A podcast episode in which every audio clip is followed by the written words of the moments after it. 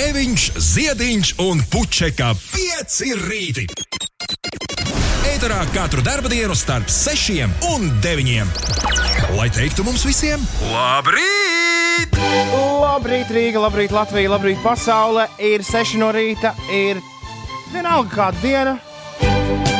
Nu, labi, ir trešdiena, ir 1. aprīlis, un te nu mēs esam. 1. aprīlis ir atcelts. Labrīt, Uldī! Labrīt! Inese, labrīt! Labrīt! Es esmu atcēlis 1. aprīli, jo labākie joki nav iespējami. Nu, kas šajā dienā būtu labākie joki? Es pieļauju, ka mēs pat varam iedzīvoties nepatikšanās, ja mēs, ja mēs šos jokus nosauktu īstajā vārdā. Bet ik viens no jums, kas mūs klausās, var ļoti labi iedomāties, par ko es runāju. Par grīķiem un toaletes papīru. Mm, par visādiem noteikumiem un, uh, un obligātiem drošības pasākumiem, kas ir jāveic ikvienam planētas iedzīvotājam. Labi, ka tu saki, ka joki ir atcelti, jo es jau sāku kļūt tāda tramīga tagad, kad mēs mēģinājām saslēgties. Jo liekas, ka pilnīgi viss, kas nenotiek tā, kā vajag, ir īstenībā domāts kā joks. Par mūsu saslēgšanos vispār nomierinieties. Braucot uz radio, es šorīt klausījos Elvis Duranta Z100 Ņujorkas leģendārās radiostacijas uh, rīta šova vakardienas ierakstu. Viņi, uh, tie, kas runā, šķiet, ir kādi seši vai septiņi cilvēki. Viņi visi atrodas savā mājās, katrs savējās. Un viņus kopā slēdz kaut kāds čalis pie pults, kurš ir vienīgais, kurš ir ielaists Empire State Building, no kuras raida Z100. Un, uh, jā, dažiem neiet internets, daži tur mēģina iezvanīties pa telefonu. Vienmēr sakot, pasakains bardaks. Pa, pa, man šķiet, ka mums nu, kaut kas tikai nedaudz tā bardaka virzienā bija tajā pašā, pašā pirmajā vai pirmajos divos rītos. Un, jā, protams, kā arī priekš rīta radio cilvēkiem šis, šis laiks ir savādāks nekā tas bija iepriekš, bet kaut kā mums tam visam ir jātiek cauri. Lūdzu, un Inês, piemēram, visvairāk pārdzīvo to, ka viņi paši nedzird savu balsi. Pie kā darot rīta radio, viņi bija tik ļoti pieraduši. Nu, šeit studijā. Nu, nepārdzīvo, bet tas traucē sarunāties. Tas traucē būt tā, kā bija studijā. Jo ir sajūta, ka tu nevienu brīdi nezini, vai tevi dzird kāds. Es tagad esmu sapratis, ka tieši šī šķiet arī bija, gal, šis bija galvenais iemesls, kāpēc man nepārāk patika raidīšana no mājām aizvadītās, aizvadītās divas nedēļas. Es arī nedzirdēju sevi. Un vēl labāk bija pašā pirmajā rītā, kur es visu laiku sevi dzirdēju ar divu sekundžu nobīdi. À, to, at, to mēs nemaz nezinājām, vai tev to atcēla vai neatcēla. Tas protams, ka to, nebija. protams, ka to atcēla. Protams, ka to atcēla. Jā, bet viegli nav. Tiešām man arī tos savus īsos stāstīņus par to, kas notiek apkārt, ir diezgan pagrūti stāstīt. Jo tajā brīdī, kad es runāju, tad pazūd fons, un es visu laiku mēģinu uzminēt, kad man ir jābeidz runāt. Un tiešām ah! ir tāda sajūta, ka, ka neviens īsti nedzird mani, un ka es tā vienkārši savā istabā, viena pati savā nodabā kaut ko tur stāstu. Mēs varam sarunāt, ka tad, kad tavs foniņš divreiz stundā, kad tu stāsti par to, kas notiek. Kad viņš iet uz beigām, es vienmēr varētu desmit sekundes pirms beigām pateikt, Var jau mēģināt. es, protams, ka to aizmirsīšu. ik, pa, ik pa laikam, bet, uh, bet varam pamēģināt. Bet, Ines, Ines, tu tagad arī nedzirdi fona mūziku runājot? Nē, es dzirdu fona mūziku, bet uh, liekas, ka tad, kad es runāju, tad uh, kaut kā automātiski tas, kas notiek uh, fonā, tas paliek maksimāli klusāks.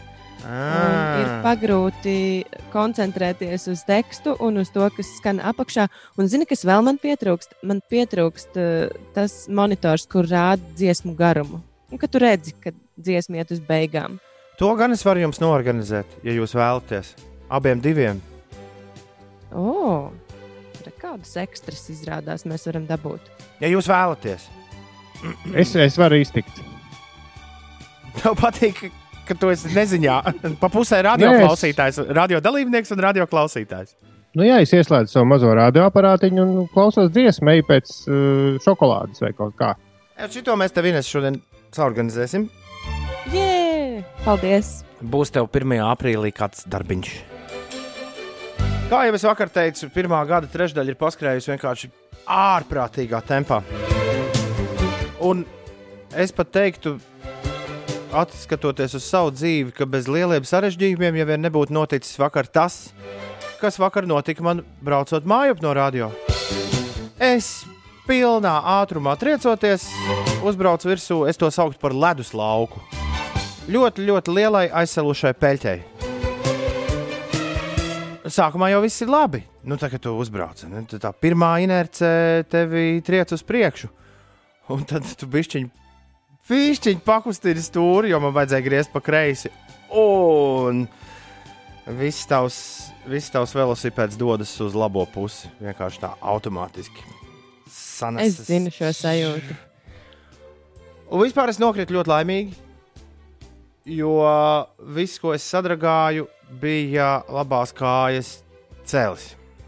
Sadragāji nav gluži īstais vārds, droši vien. Mm, Tas bija Pamatīgi, tas, kas pamatīgi, pirmais atcitās pret ledu. jā? pamatīgi nobrāzu. Es ļoti bremzēju. Pirmais, kas atcitās pret ledu, bija, uh, bija, bija labās vai kreisās rokas. Es tagad nevaru pārbaudīt cimds, kurš ir vienkārši lupatās. Ar to tika panākta bremze, un tad, uh, tad ar visu velosipēdu kopā es rīktīgi nobrāzu labo kāju. Sajūta pēc manā, tie, kas klausās šo šovu regulāri, mums vakar rakstīja kāds, kas mūs dzird no 2013. klausās katru rītu kopš 2013. gada 19. novembra. Uh, neviens no mums trījiem pat nav tik daudz kla- klausījies šo raidījumu. Bet, bet jā, jūs droši vien atceraties, man bija diezgan, diezgan dumšs velosipēda incidents uh, vasaras nogalē, augustā pagājušā gada. Un uh, jums jau es neko tajā laikā nebiju stāstījis par maratonu treniņiem. Un tā bija viena no galvenajām lietām pēc tam, kad es biju jā, diezgan pamatīgi cietis. Tā bija galvenā lieta, par ko es ļoti, ļoti uztraucos un par ko es domāju, vai es būšu gatavs oktobra beigās noskriet maratonu, ja es esmu šitā sasities. Bet es vienu lietu tajā laikā iemācījos, ka jā, jā arī tev ir tādi kārtīgi sasitumi, vajag vienalga samazina kilom, kilometrāžu, bet vajag skriet, vajag kustināt savu ķermeni. Un jo vairāk tu viņu kustinās, jo ātrāk tu tiksi atpakaļ uz spēkām. Un es jūtos stipri labāk nekā es jūtos pēc, pēc tā atgadījuma augustā. Līdz ar to ar mani viss būs kārtībā. Ar manu velosipēdu arī viss ir kārtībā. Nebija kārtībā. Es jau domāju, ah, tā kā jāiet pie. Man bija spēkā šajā nedēļas nogalē, bija attālinātā tur, vizītē pie, pie velosipēda meistara. Es domāju, kā jāiet pie velosipēda meistara. Un tad teica, nē. Un pirmo reizi mūžā aizdevos uz šķūnīti. Manam kaimiņam ir milzīga, milzīga šitā te kaste, pilna ar dažādiem darbarīkiem. Izvilku to kasti, un pirmo reizi mūžā vakar es nekad ne- neesmu bijis praktisks uz, uz, uz kaut kādiem braucamiem rīkiem. Pirmo reizi mūžā pats atskrūvēju vaļā riepu, pats to iztaisnoju un aizskrūvēju riteni ciet. Un tad pat brīdī es sapratu, būsim reāli. Es nekad mūžā nedabūšu tās, neaiz, neaizvilkšu līdz tām autovadītāju tiesībām, un man tās nevajag. Un šajā brīdī viņas pavisam noteikti man nevajag. Un, ja es palikšu līdz savas dzīves beigām, velosipēdu braucējs, man vajadzētu mājās ieviest mazu, mazu velodarbnīciņu. Un sākt ar steigtu. Es pat varētu, tad, kad viss šis trakums beigsies, iet Ines pie tavu draugu, kurš strādā par velo, uh, velo taisītāju. Mehāniķi. Jā. Jā. Es varētu pie viņa iet praksē. Es varētu, ka- Praktizēties. Jā, es varētu ar lielāko prieku uz kādu nedēļu varētu pavadīt. Es pat varbūt varētu raidīt no turienes. Šis varbūt būtu arī ētera eksperiments. Un, ja jums būtu sad- sadalīti riteņi, es jums varētu viņus sataisīt pa vēl. Vienalga. Uh, bet jā, ir laiks.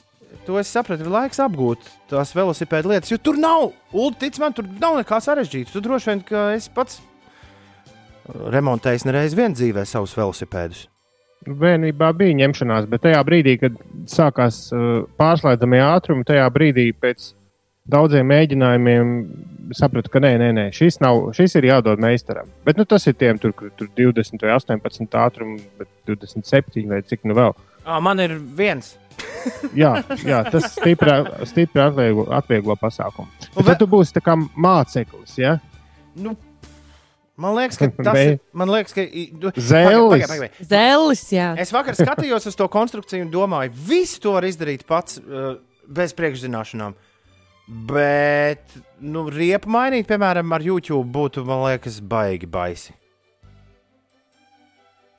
Es vairāk domāju par to, ka mājā būtu forši iekārtot tādu stūrīti, kur tu labos laikos sapēsi. Nopērci sev kaut kādus sešus pārus riepu, nu, labi, tik daudz tev nevajag. Četrus pārus riepu, kur, nu, kur tev stāv vienkārši.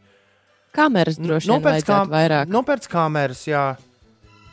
Instrumentus galvenais. Jā, Instrumentus. tev Tad ir, tu visi, sā... tev ir visi instrumenti, eļļiņas, jā. O, Rīktīgi, Pumpis, ar ko piepumpēt. To TV, ne? Nu, to pamatīgo varētu dabūt. To, Jā, to, jā. džu, kurš uzreiz šauj iekšā. Jā, jā, jā, un tā- tāda maza grēviņš un dēla velodarbnīca. Tad taviem kolēģiem būtu atlaidīti, ja remontējot velosipēdus.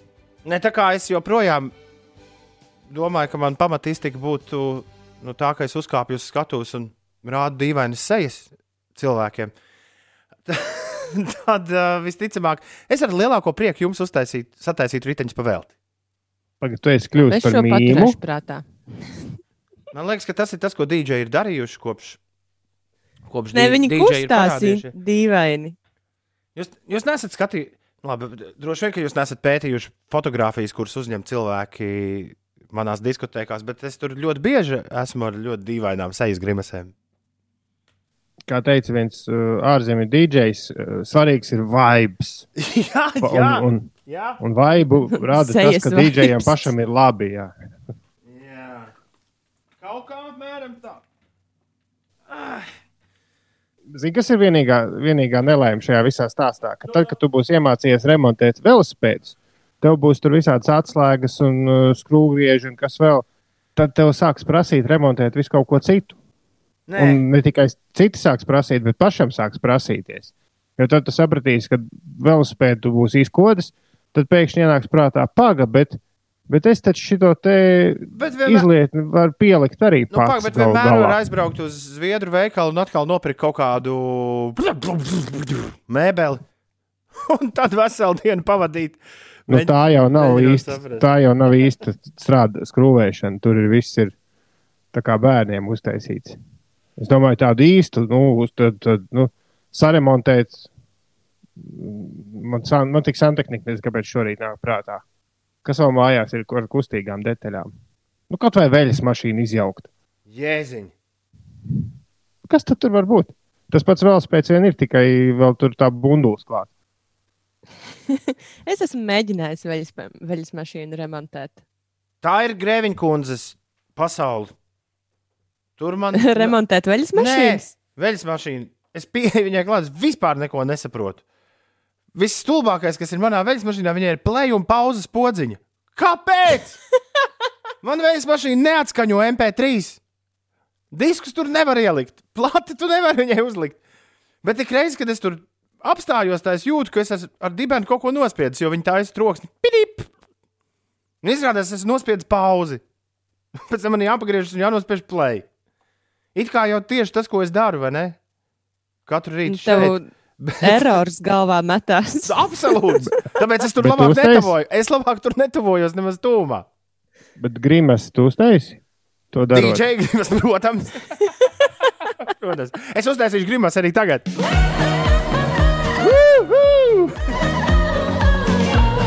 Sākam rītā Dāņu sarunāts. Ines piecelies kājās, bija pakusties. Nu, labi. Lūdzu, gan lai turpina sēdēt. Ai, Andrejam! Bungātiņa 6,15. Kāda pašsajūta, Ines? Inesē, Jā, kāda tev ir pašsajūta, es prasu? um, ir labi. Ulu, Ir forši, es dzeru kafiju jau. Ulu vai tu jūties kā galvenais? Uh, es, es, es šobrīd iedomājos, kāpēc Inês dzer kafiju otrā istabā raidījuma laikā. Līdz ar to man, man, man, man viss ir kārtībā. Viss labi. Es sēžu pie datora Jā, bet es tev jautāju, vai tu jūties kā galvenais?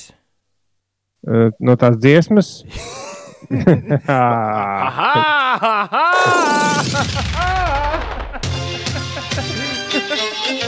Ir 18 minūtes pārpusdienas sešiem.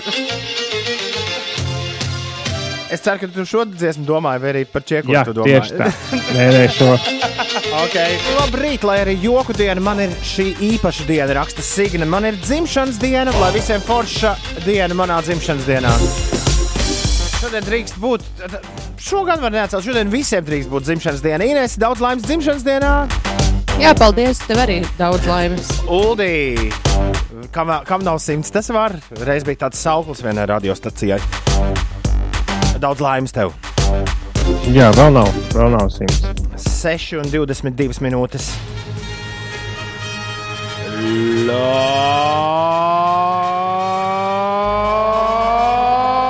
Labrīt! Today very lucky. Congratulations me! Yay!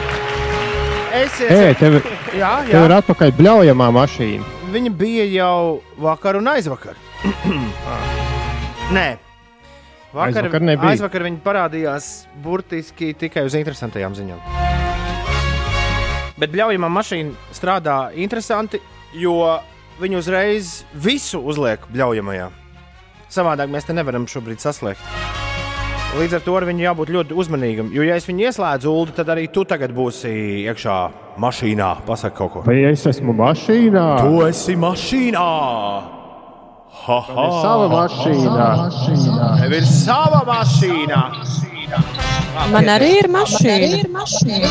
Tagad tu biji Ulu mašīnā. Ulu slēdz ārā savu mašīnu! Ulu, izslēdz. Es tagad ieslēgšu savu mašīnu, Ines pasaka kaut ko. Vai man arī ir mašīna? Ah, tev nav.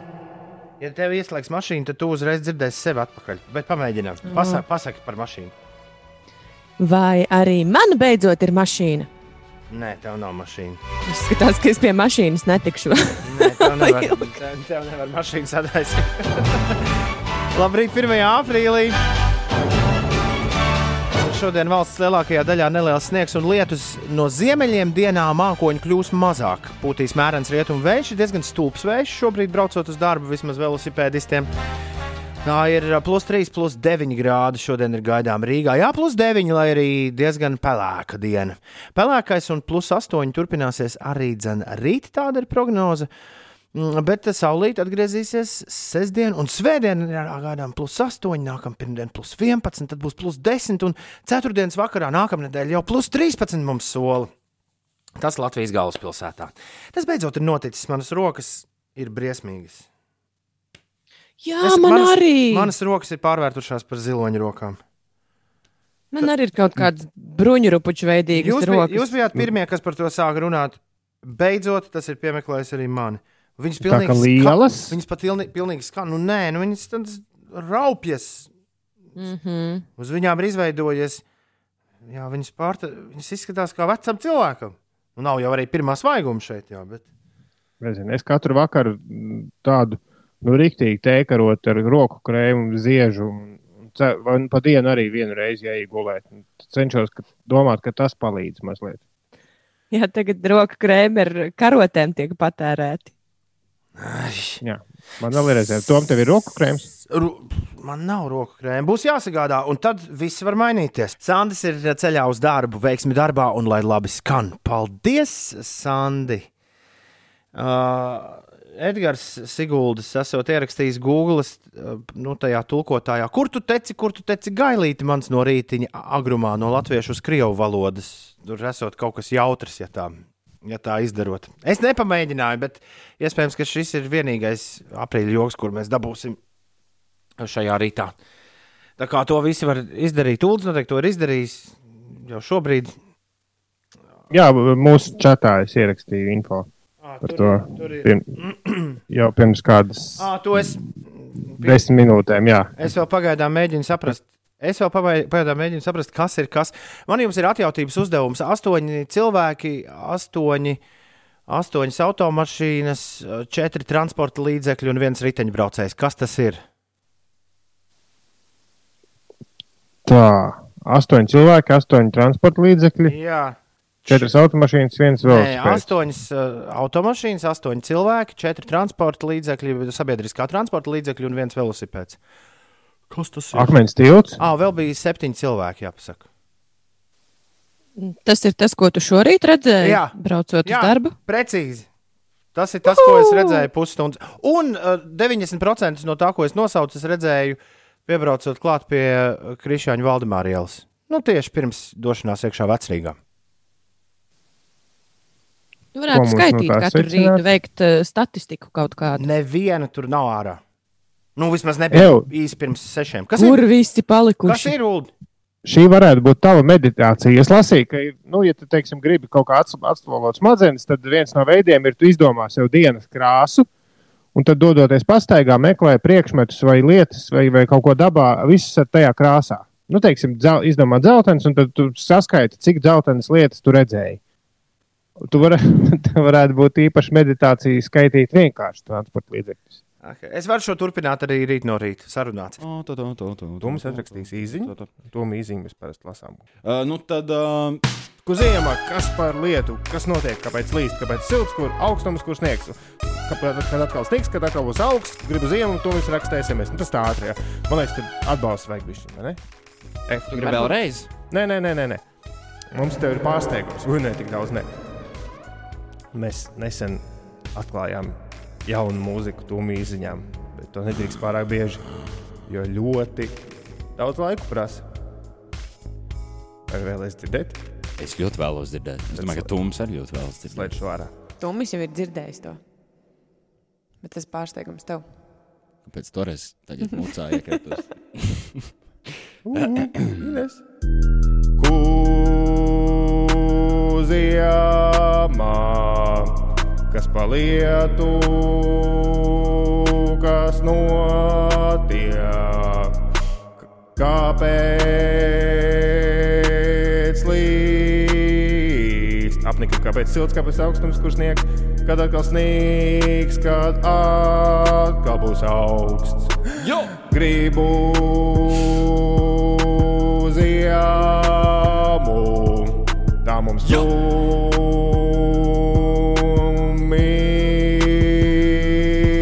raksta SMS.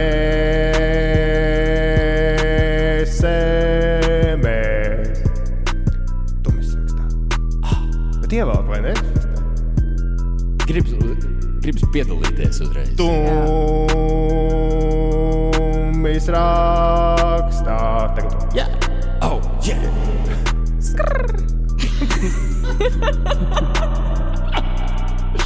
Man nāk prātā tu tā parasti nedara? Skrr, skrr. un- Mēs varam zapti, zapti, zapti. Tas man nāk prātā, man bija panda. panda. Ah, jā.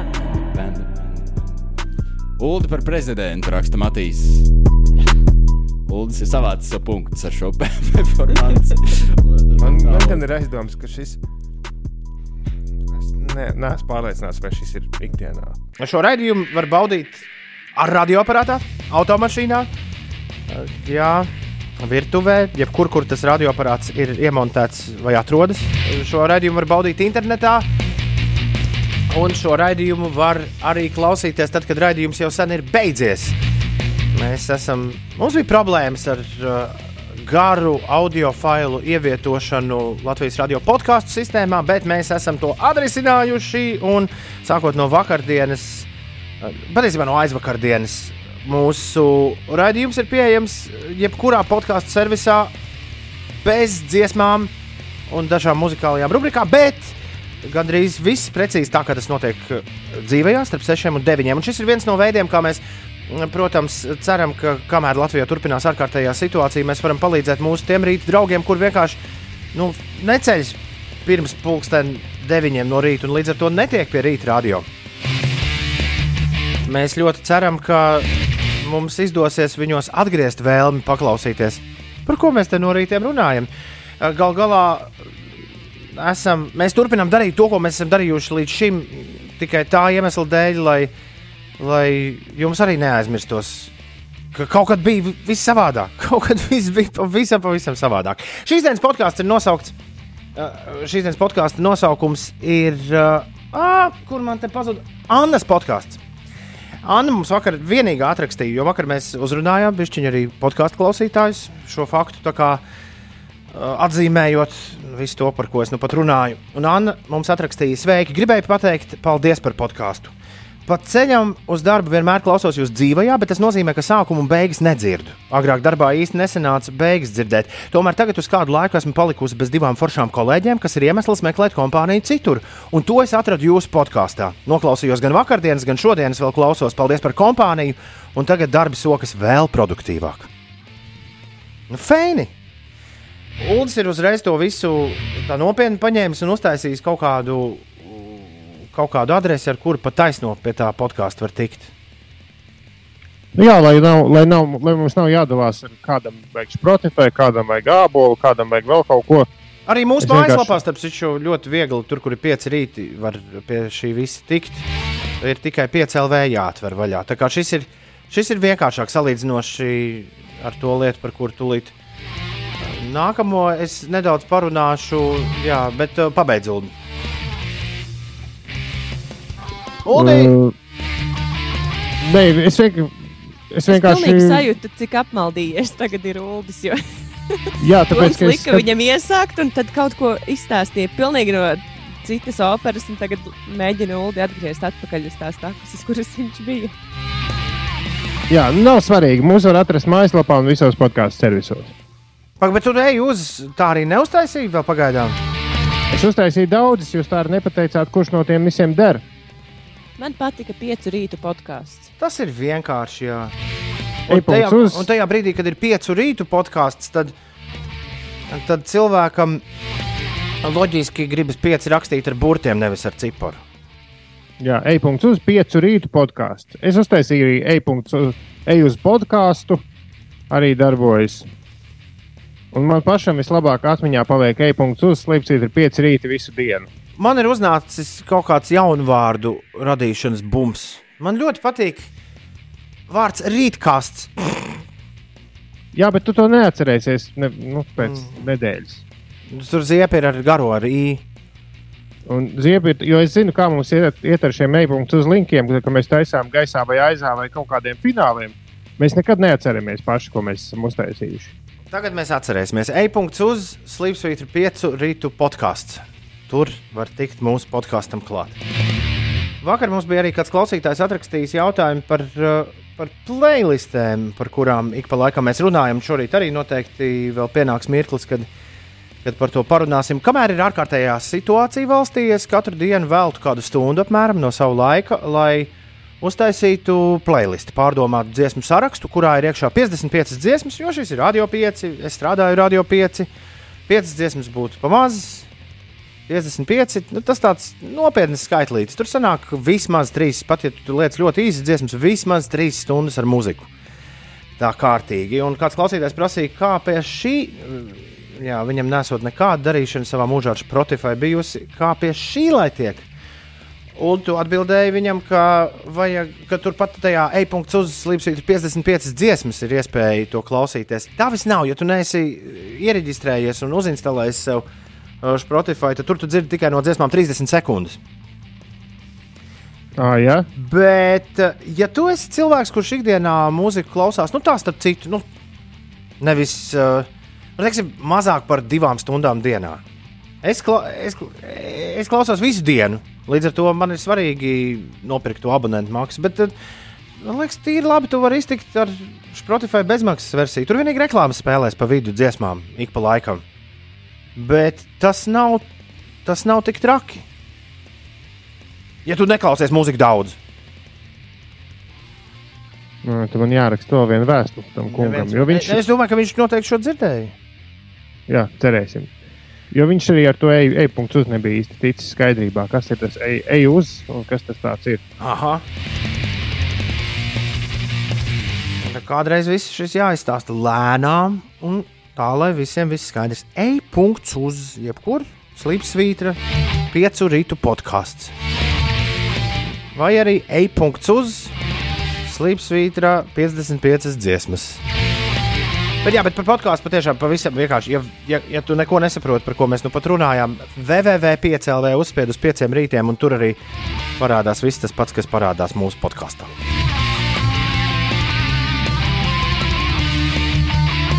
Visiem viss kārtībā?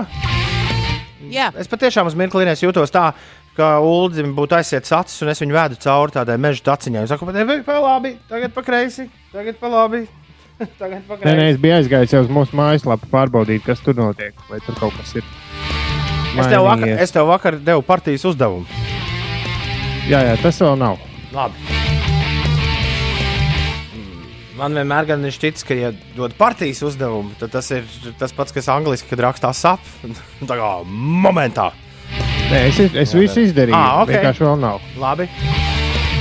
6,49 minūtes.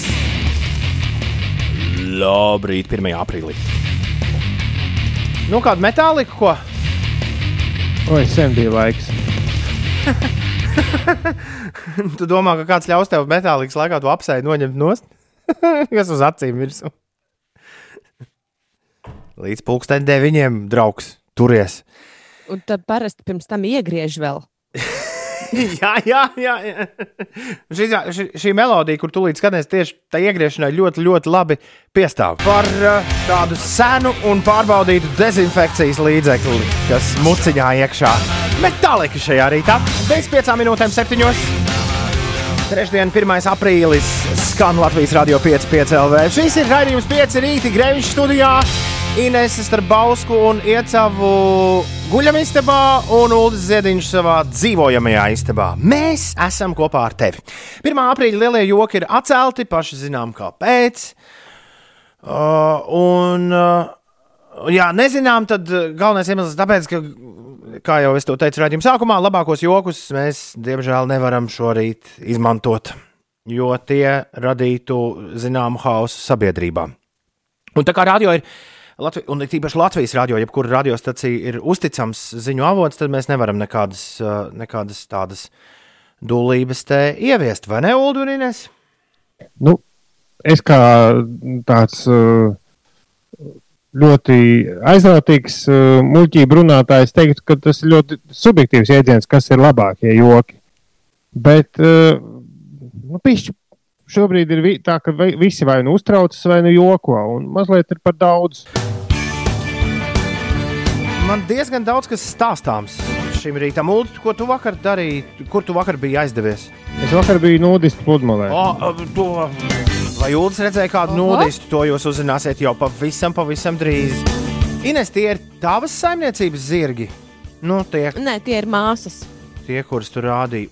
Un māsas zirgi ir turpat, kur tu esi? Vai, vai kā? Vienmēr sakot, Ines, Dažus kilometrus tālāk. vienmēr sakot, Ines stāstīs par zirgiem. Un es, jā, nu. Nu, tagad nav laika, tagad ātri mums to. Bet tagad ir laiks izrunāt. pateikt vēl to, ka? Iveta no ērgļiem ir paņēmusi baigi nopietni to, ko mēs te runājam. Iveta, bet ir taču 1. aprīlis. Es, ma- man Inesē, piemēram, jau ir izdevies vienu, vienu iedot. Aprīli. Paskatīsimies, cik būs vēl līdz pulksten deviņiem. Palieciet ar mums! Kā jūtaties? Inesē, Uldī, viss kārtībā? Labrīt, es jūtos ļoti labi. Vienīgā bēda par to, ka man ļoti ātri atdziest kafija. Bēdu, manu lielu bēdu, dziesmu svētku arī nebūs. Mm, Jā, Skolēnu, skolu Šogad. jaunatnes dziesmu. gan. Šogad, jā, šogad nebūs. Man ir interesanti, nu, jo es eh, strādāju vēl tad, kad bija atpakaļ, vai ne? Kad bija vecie laiki, es strādāju ar, ar jauniešiem, kuriem uh, viscauri mums tieši gudrs, vēl gudrāks, 12. pasākums. Mēs, starp citu, tur notiek milzu kosmosa operācija, kā nofilmēt 12. klašu finālu, ko mēs grasāmies darīt nākamnedēļ. Attālināti visiem esot. Uh, Jā, jā, par to tad es atsevišķi pastāstīšu nākamā nedēļa, kad tas arī notiks. Bet, jā, nu, es visu laiku, pēdējo mēnesi biju pavadījis ar 12. klasu. Nevis pēdējo mēnesi, bet to pē- pē- pēdējo mēnesi pirms. Ah, grūti. Ar 11. un 12. klasu skolēniem. Un, ā, jā, būtiskākais ir tas, ka jebkurš 12. varēs, ja vēlēsies, izmantot iespēju un piedalīties dziesmu un dēļu svētkos.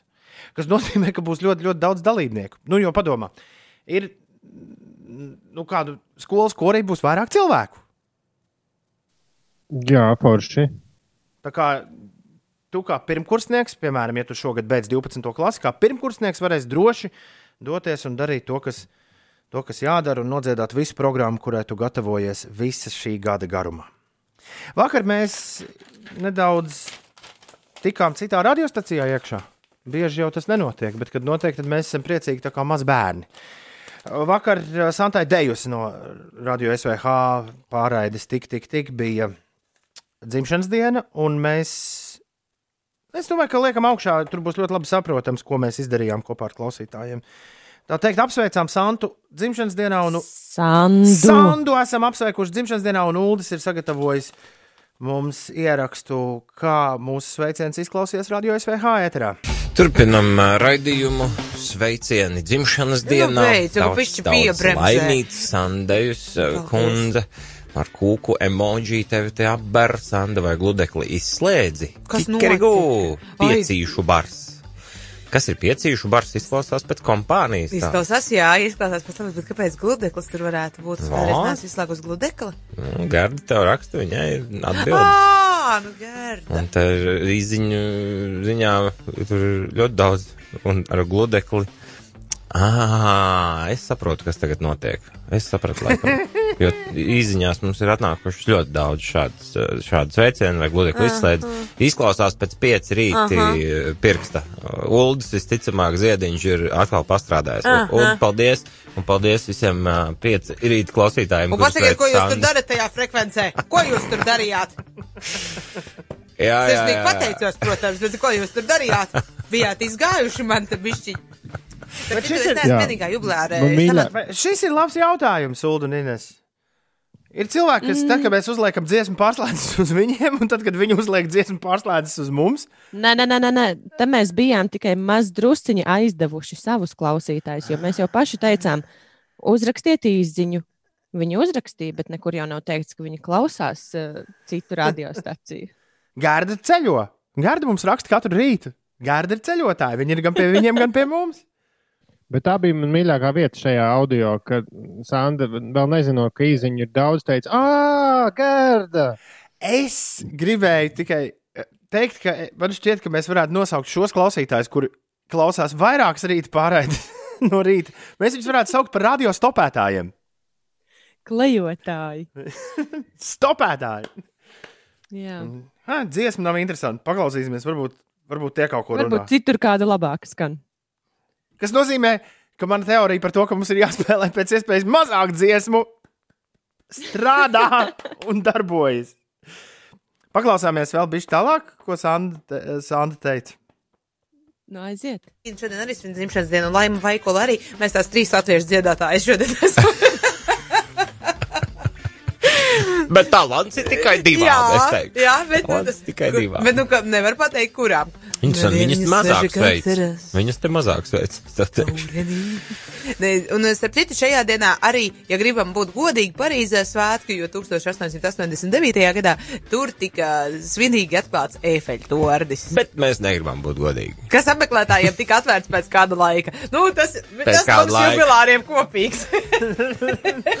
Uzkāpt varēja tikai pēc kāda laika. Nu, labi. Visam. Klausies, Vaigie jociņi. bet man tādas saldas, man saldas atmiņas šis. Uh, Atcauc par saviem uh, radio SVH laikiem. Acīm redzot, viņiem joprojām nes katru rītu sekretāru izdrukātu šo dienu vēsturē. O, cik mīļi. Acīm redzot, jo mēs, piemēram, nu, nerunājam par šādiem faktiem. Es domāju, datorā tas ir Ines, gan jau kā. Ines eh, šorīt atrodas turpat, kur vakar un aizvakar starp Bausku un Iecavu. Kaut kur, Jā. kaut kur, kur ir netālu zirgi, kaut kur, kur ir ļoti smuki. Un eh, kāds mūsu klausītājs ir beidzot sapratis, Inesei, kāpēc Inesei kalni patīk. Viņš raksta, labrīt, nu skaidrs, kāpēc Inesei kalni patīk. Dzīvo totālā līdzenumā. Nu, jā, zemgales uh, līdzenumā. Es pati reizēm esmu tā arī teikusi, ka ja tu nāc no tiešām zemgales līdzenuma, tad, tad eh, ļoti gribās kalnus redzēt. Bet zemgājas līdzenumu tu vakar apgāji, pareizāk sakot, tu vakar pati radīji savu self-made klinču kāpšanas sienu. Nu, negluži kliņš kāpšanas siena. Es jau braucot uh, no Rīgas projām, jo man bija tāds funkcijas, ka ir jāpaņem kaut kas no tā kalna ekipējuma līdzi uz mājām, lai kaut ko šeit padarītos. Nu, tādu minimumu es esmu paņēmusi līdzi, un es uh, izdomāju, ka es varētu pamēģināt šo to uzmeistarot. Jāatrod Klausies. varbūt mazliet augstāks koks, kāds, kurā uzlīst. Jā, bet video redzams, ka nu, kā lejā, tu kāp, eh, tu kāp kokā ar kaut kādiem tur striķiem un, un saitēm. Virvēm! Iedēļ.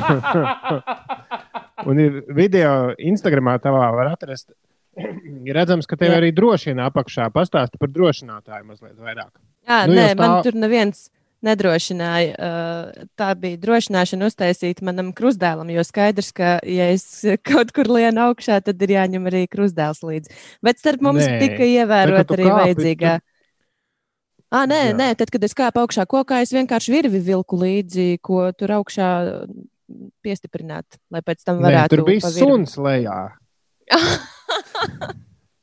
Jā, tas bija mans drošinājums. Nākamreiz, kad Uldis tavas virves sauc par striķiem, tu viņam, tu viņam, Ar lineālu pa pirkstiem. tu viņam saki, ka tu trombonu pūtai staupi. Staupi Trompetes pūtēji. Trompet- Trompets pūtai staupi ar ratiem. Dabūs ar ledus cirvīti. Vai ne? Sirtnīti!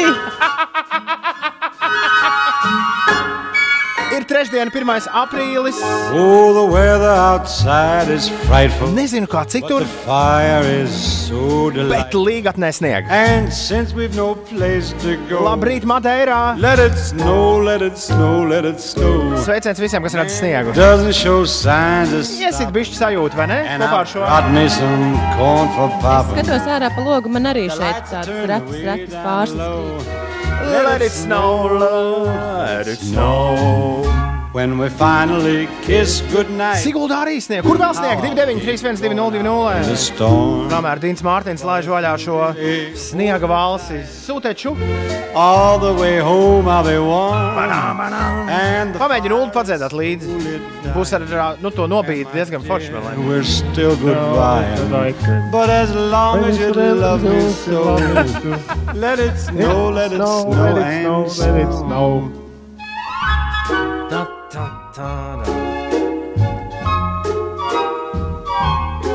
Izskatās, ka līgatnē Siguldā un tur starp Bausku un Iecevu ir vienīgā vieta, kur snieg, jo vairāk neviena ziņa mums par sniegu nav.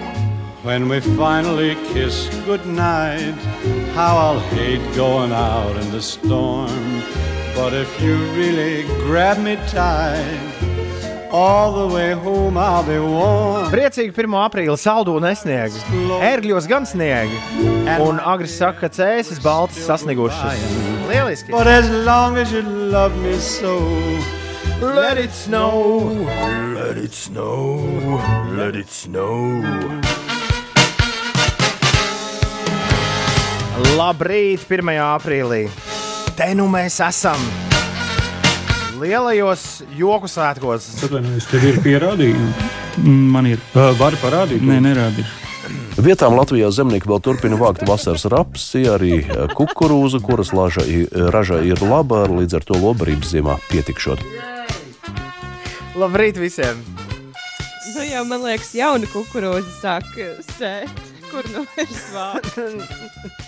Bet lāža paliek. Lāžīnes joprojām ir gaisā. Uh, šodien ir Latvijas Rādio 2 150 gadu dzimšanas diena. Daudz laimes viņiem. Dagnai un Dagnim šodien ir vārdu svētki. Sveiciens arī viņiem. Aktrise, producents un režisori Baiva Kranāte šajā dienā ir dzimusi daudz laimes. Žurnālists, sabiedriskais darbinieks, bijušais Latvijas Nacionālā teātra direktors. Jā, līdzjutējs arī labdarības maratonam dod pieci. Es viņu vairāk kārt esmu redzējis stikla studijas otrā pusē. Ojārs Rubens šodien svin dzimšanas dienu. Daudz laimes, Ojār! Dzēniekam un dramaturgam Normundam Beļskim daudz laimes, daudz laimes rakstniekam un dzēniekam Viktoram Kalniņam, Vikam. Krievu mūziķim, aktierim un televīzijas šovu vadītājam Sergejam Lazarevam daudz laimes. Britu dziedātāja, talantu šovu Britain's Got Talent bijusī dalībniece Susan Boyle svin dzimšanas dienu. Angļu radio DJs Kris Evans svin dzimšanas dienu. Viņš pārvācās uz to vienu komerciālu radiostaciju un kopš tā laika uz, atpakaļ uz Virgin Radio. Kopš tā laika par viņu īsti nekas nav dzirdēts. Bet uh, leģendārs britu žokejs Džimijs Klifs, jamaikiešu dziedātājs, Reggae Night. Tas viņa dzimšanas diena un amerikāņu kino režisors un producents Barijs Sonnenfelds viņa dzimšanas dienu. Riktīgi dzirdēts, Ulu, kas ir Barijs Sonnenfelds vispopulārākā filma? Pirmā, man liekas, nāk prātā Men in Black. Aha, Bet daudz viņam tur ir uh, filmas. viss labi. Ko tu, Jā. tu vēl vienu cilvēku gribēji apsveikt? Jā, sveicieni arī Unai Raumanai un sveicieni Andrim Sorokam šodien. Tev ar kas sveicams, Ines? Es skatos, ka manā draugu lokā nav neviens dzimis 1. aprīlī. Rūjienā sniega, vala iecau viss balts. Ventspīlī sniega, kur zemē līst, iecavā nesniega, ādažos un Rīgā nesniega. Koknes nesniega. Gaidām jau Ziemassvētkus. Dosimies celt sniega vīrus, raksta Kaspars. Labrīt, Kaspar! Kaut ko saldu varbūt, bišķiņ. Uldi, Ines? Man ir šokolāde, jā. Aiziet! Lai iet! Es apēdu cepumiņu. Valdis jau otro dienu mūs klausās kā mucā. Viņam esot jocīga telefona aplikācija, kurā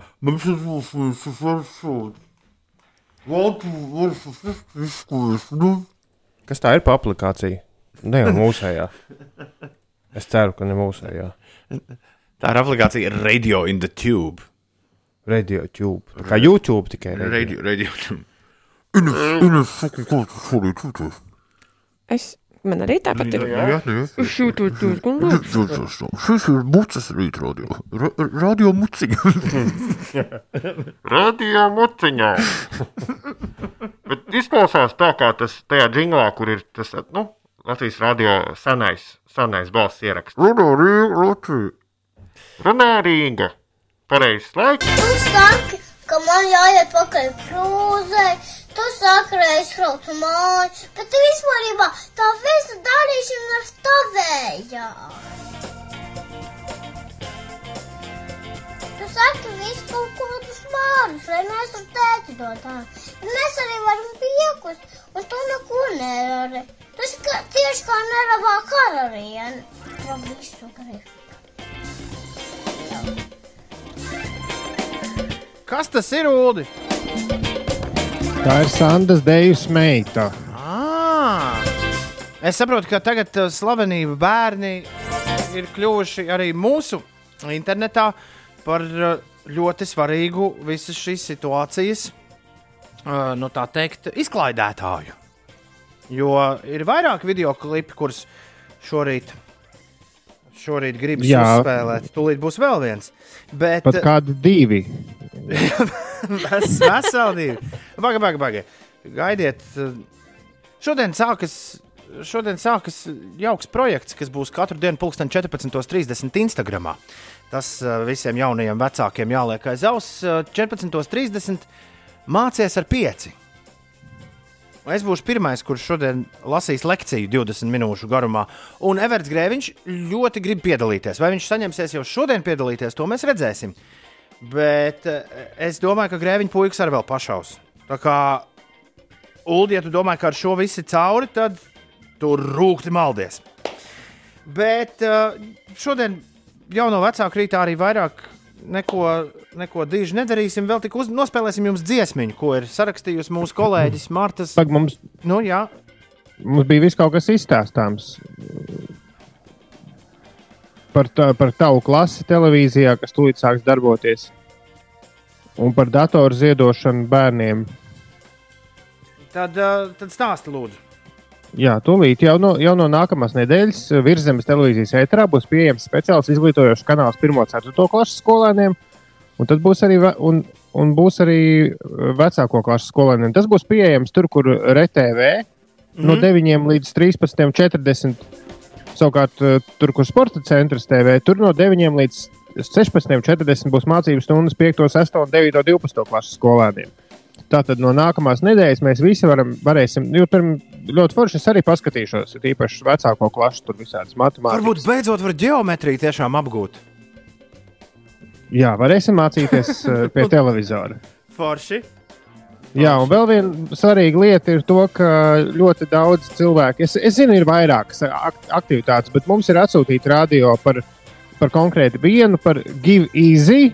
Raksta ar Z, Give Easy, bet tikai nevis ar S, bet e, e, Z. Give Easy LV, Sleepsvītra. Kā nu bija? Ah, tur viņš ir pirmajā lapā uzreiz. Tur ir iespējams pieteikties, ja tev ir kāds vecs dators. Jo šobrīd ir pieteikušies 176, 176 ģimenes, kam vienkārši nav dators, nav kā mācīties. Un tur nevajag neko jaunu un šausmīgi spēcīgu, bet vienkārši ir iespējams ziedot kaut kādus vecos datorus. Es, es katru dienu redzu internetu, sociālos tīklos, ka kāds kā tos datorus iztīra un sapako un ziedo un sūta. Tā kā meklē, ja tev ir vecs dators, uzmeklē šobrīd ļoti noder tiem, kam jāmācās mājās. Super! Forši! Uh, man ir vienkārši dumības ulu šodien tikai galvā. Kaut kā datums tāds uh, interesants kalendārā. Uh, tāpēc beidzot noslēgsim ar dziesmu. Šī rīta jauno vecāku rītu mūsu kolēģi Marta Grigale, viņas meita Grēta Grigale māt, mammas ietekmē, nu kur gan citur viņu mātes un tēva ietekmē, ir sākusi muzicēt. Un mums ir pirmais viņas singls. Nosaukums gan mums nav zināms, bet, kā Marta rakstīja, muzikāls priekšnesums, ar kuru Grēta vēlas iepriecināt mājās sēdētājus. Jau no vecāka rītā, dāmas un kungi, Grēta Grigale. Man nevajag pieskarties nevienam cilvēkam. Nevienam, nevienam nevajag pieskarties arī manai mammai, jo viņai ir ļoti mīļa. Es arī spēlēšu kavieres. Manā mamā ir ļoti mīļa. Es viņu mīlu, jo viņai nevajag pieskarties. Viņai nevajag pieskarties.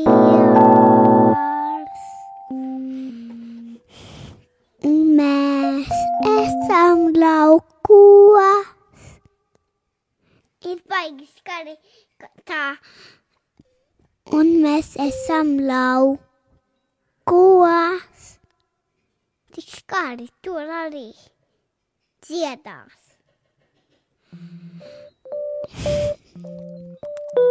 Un es dziedu dziesmīnu, tā būs ļoti maza dziesmīna. Tā būs iziešu laukā, sarasīt, mammai skaistas putītes. Es nezinu, kādas putes būs, jo sitā ir baigi maza dziesmīnā nav sajūta, vajag aizkaisīt durvis. Šī bija mana mīļākā vieta visā dziesmiņā. Un tāds kārtīgs frīdžets no Grētas Grigālas. 7,34 minūtēs. Ulas un Inês vēl fanu klubā nav iestājušies, bet man ļoti patīk. Trešdien, 1. aprīlis. Šis bija.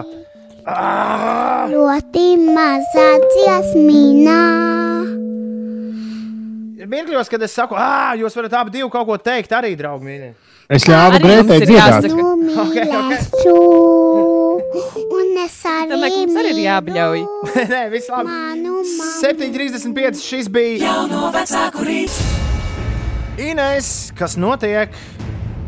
ASV prezidents Donalds Trumps atzinis, ka koronavīrusa riski ir krietni nopietnāki par parastās gripas riskiem. Ar šo paziņojumu viņš korģē savus agrākos izteikumus. Tātad, jā, viņš vairs neuzskata, ka Covid-19 ir pielīdzināms parastai gripai. Par laikapstākļiem pie mums šodien Latvijā būs pārsvarā mākoņains laiks, saulaināka diena valsts ziemeļu pusē gaidāma, gaisa temperatūra paaugstināsies līdz plus 3, plus 9 grādiem. Rietumu vēja ātrums brāzmās sasniegs 9,14 m2 un priekšpusdienā valsts lielākajā daļā, bet pēc tam vietām valstī gaidāmi nokrišņi, galvenokārt eh, nelielas lietus. Rīgā iespējams arī nelielas lietus, caur mākoņiem dažkārt izsprauksies arī saules stari.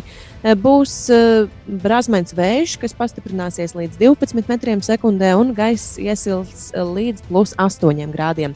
No šodienas atsākas periods, kad par iebraukšanu jūrmalā jāmaksā nodeva 2 eiro apmērā. Pašvaldība aicina braucējus caurlaides iegādāties elektroniski, un šodien 25 gadu jubileju svin mūsu kolēģi Latvijas Radio 2.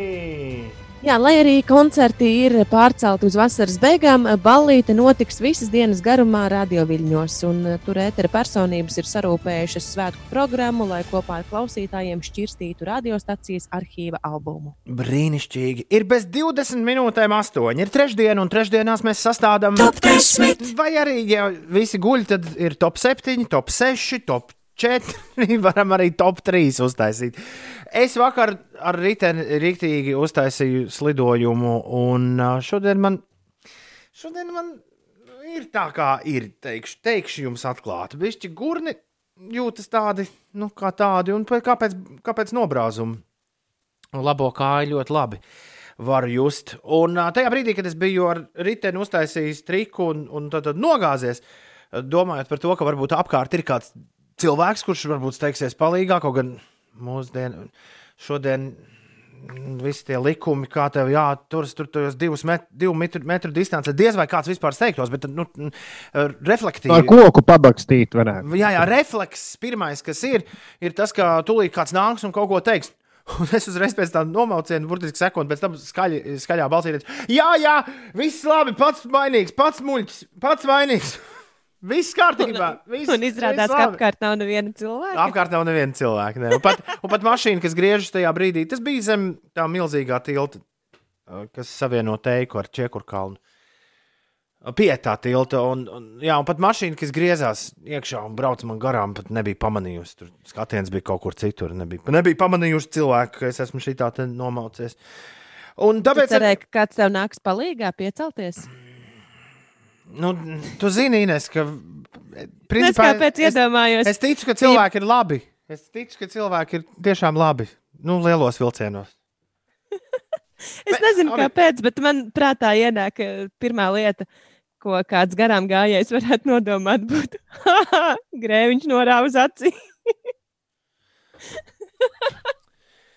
Tā kā. Jā, aizsū, aizsūtīsim uz sejām. Čik, čik, Tā kā tas Simpsons ļaunais čalis. Grēviņš distancējas, bet norāva uz sejas. Jā. labi, labi.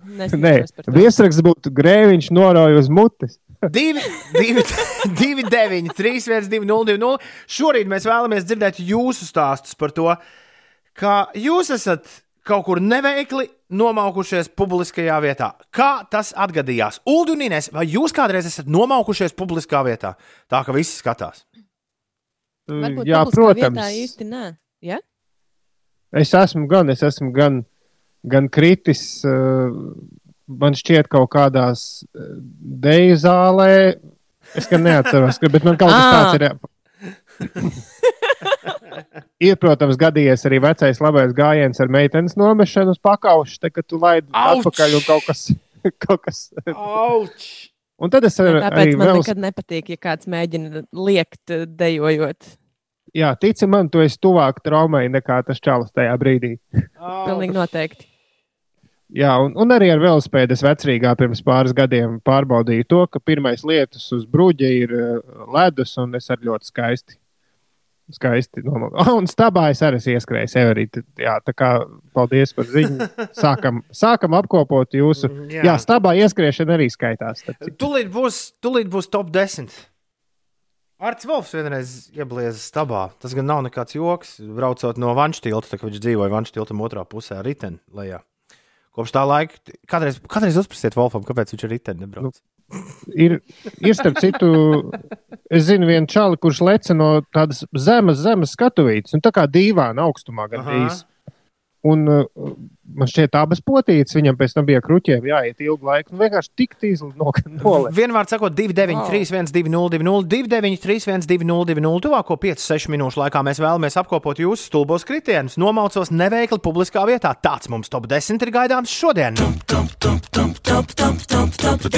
Te ir ļoti daudz vecas grāmatas, un Ulas tajās ir atradis uh, peršas. Dzīs vārsmas. Es atradu lielu- lielisku dzīslu grāmatu, ko es rakstīju Laimons Pelmans 70. gadā. Piemēram, dzīsls pakalpībiņš. pakalpībiņš. Kluss nogaidu līdz iemēģi ļaudis, tad, kamēr miegs vēl nav tik ciets, tiem ļauju tvisto šeikus baudīt. Es lieku skaļrunim, cik jaudas, lai kliedz un spiedz, lai kviec un zviedz. Tā raksta augstcienībā radiopāts ķerts megahertz. Kas bija autors šīm rindām? Laimonis Pelmanis. Mm. Nākamo dzējo. Tas par, radio, tas par radio, kur atstāja pa nakti ieslēgt. Jā, viņš tos dzējoļus raksta, nu, raksta kā vēstules no kāda. Nākamā vēstule sarakstīs spēka mitīķis M. Ulāps. Nu, Mūlāps. Jā, lasi, lūdzu. Kas Nē, tur? nē, nelasīšu. Kāpēc? Nu, nolasi, ja, ja, ja, ir, ja ir bijis, tad jāšauj. Pagaidzi, atradīšu kaut ko interesantāku. Ir uh, septiņas To minūtes. vēlāk. Ir septiņas minūtes tagad. septiņiem. Bet saskaņā ar eh, šo dzējoli, tad Toms ir ķerts radioherts. Jā. Pie mums šorīt ciemosies uh, gandrīz valmierieti, simtprocentīgi. Viņa, Zelma Jēger, būs ciemos pie mums. Kas vēl šorīt pie mums ciemosies? Jā, Uldi. Kas pēc, vēl pēc, pētīt, ciemosies? pēc, pēc pētīt grāmatu, izstāstīja, kas šodien pie mums būs ciemos. Tur ir dzīsls pakāpst ātriem kredītiem. Mums būs rektors vidzemes augstskolas, mums Loģi- būs visādi loģiski. uzņēmēji, mums būs. Uh, Pīcis cepēju, vai ne? jā, jā, jā. Uldi, tev ir jābūt šai informācijai. Rokas tev ir Uldim- nevis jālasa muļķīgi dzējolīši. tāds draisks noskaņojums. Tā, klausies, ir noskaities mm, kāds. Kurš pirmo reizi ir atrakstījis uz 293, 120, par to, ka es, es tevi apbežoju. Ines, vai es tev kādreiz dzīvē esmu Es jau pie tā apbežojis? esmu pieradusi. Ines, vai, es- vai, es vai es tiešām tevi apbežoju? Nu, nē, nē. Es jau citreiz ar māku tā. Pieci.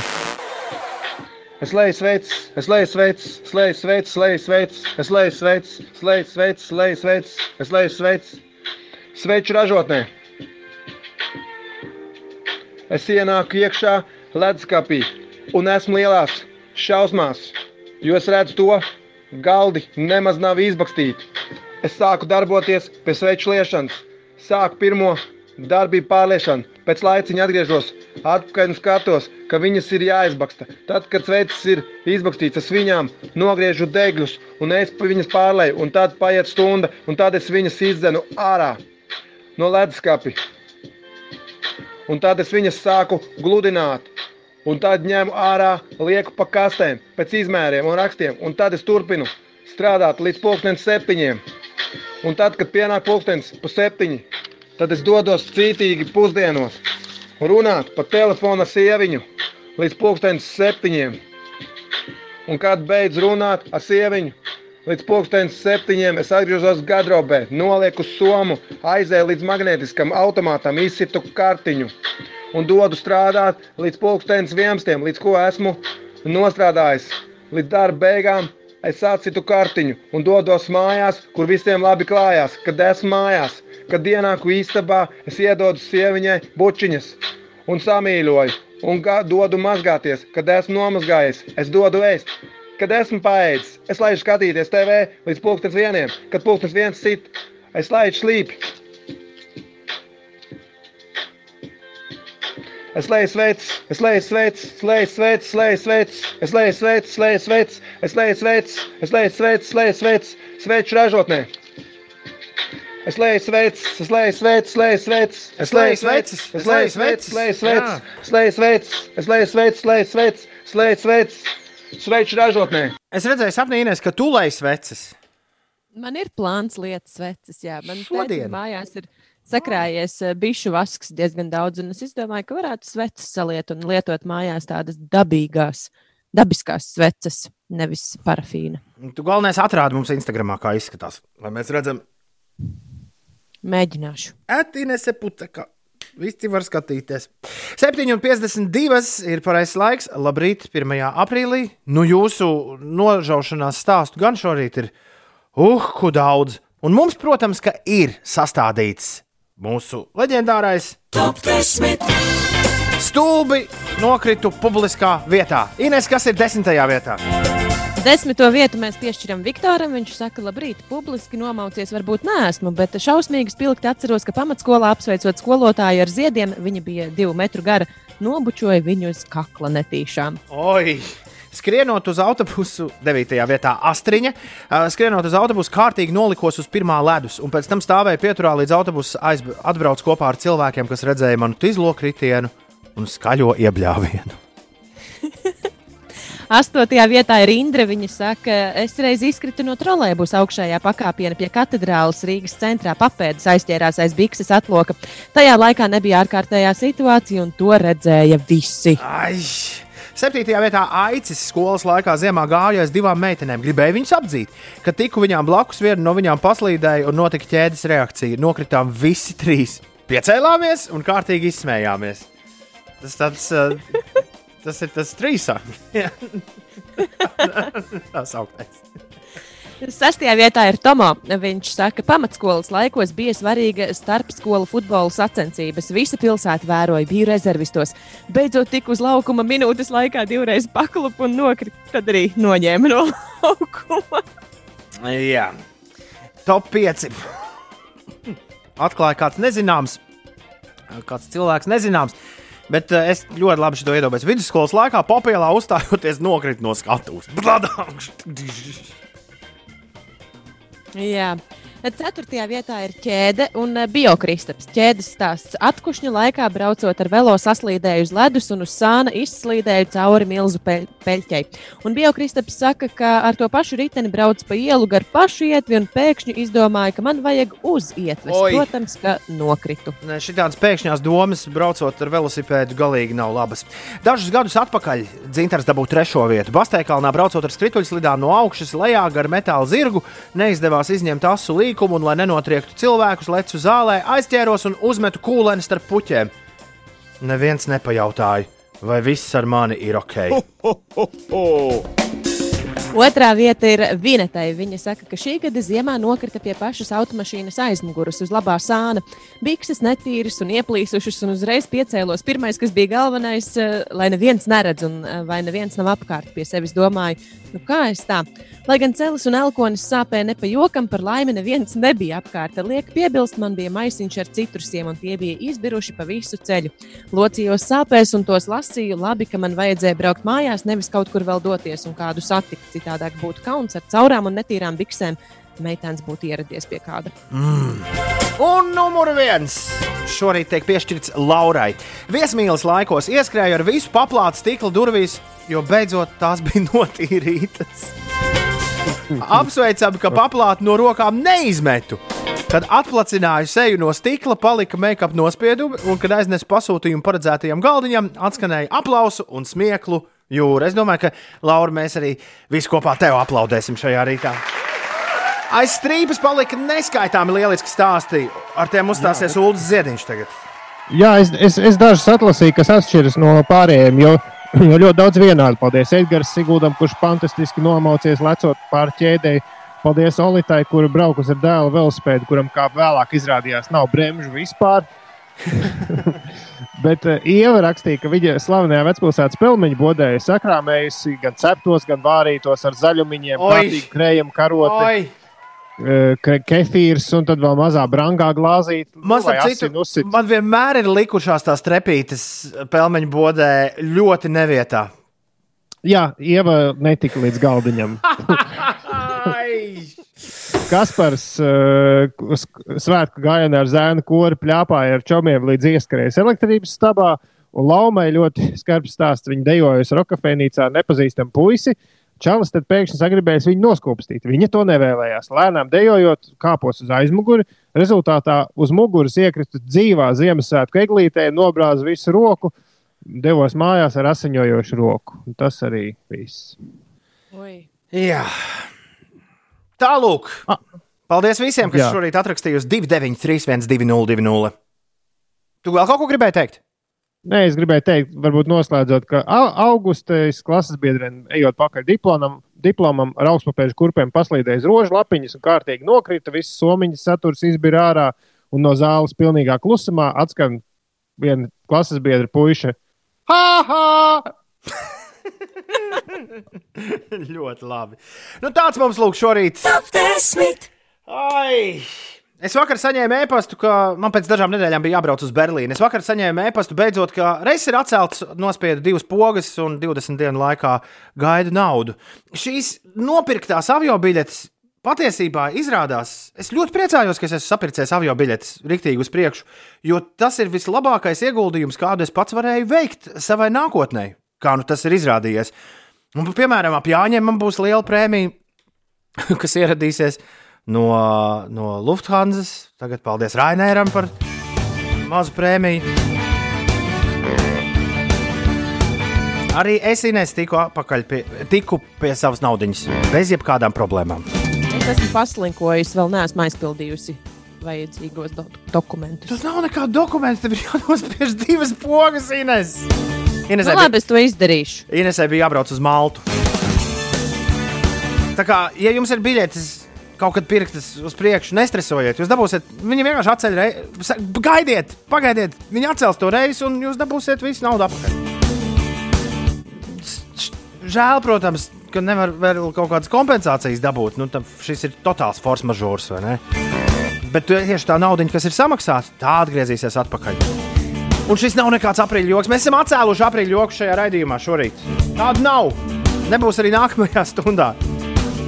Paldies, ka mūs klausāties. Ja kaut kas uz sirds atrakstiet 293, 202, 5 rītī! Mēs turpinām. Labrīt! Tu speciāli tādu balsu uztaisīji. Labrīt! Ko mēs tagad esam izdarījuši? Tagad mēs skatām, kā rūtīgi. Tā tagad varbūt līdz ar to mans bass kļūst būs normāls. Viens, divi. Nē, it nemaz. lielisks rīts, lielisks rīts. Jā, ir eh, pulkstenis 6 un eh, 13 minūtes, un mēs esam eh, tur, kur mēs esam. Toms ar Ulu izklausās pēc diviem maziem rūtīšiem, kas ir eh, Prāgā. Ceru, ka es visiem pārējiem izklausos mazliet, mazliet eh, labāk par tiem abiem diviem. Tom un Uldi, vai jūs vēl joprojām esat pie mikrofoniem? Izklausās, eh, ka nē. Sīpola vīrs saka, ka Inesai vienai sēžot studijā ir jautrāk nekā, kad tur ir arī Toms ar Uldi. Jā, jo parasti viņi nerunā kā divi robotiņi vai arī kā divi rūtīši. Ei, halo! O, jūs esat atpakaļ! Jā, bet mēs joprojām droši vien esam rūtīgi. Eh, Nē, izklausieties eh, mazliet, mazliet labāk nekā pirms brīža. Nopietni! Jā. Šī ir, šī ir, mist, šī ir mistika, tāpēc, ka nekas nav, nekas te nav mainīts, nu, parametros. Tā laikam eh, Bet mēs, starptautiskie mēs vēji kaut ko no ietekmē. Jā, uz brīdiņu jūs pazudāt. Nu, labi, nesam mēs Prāgā.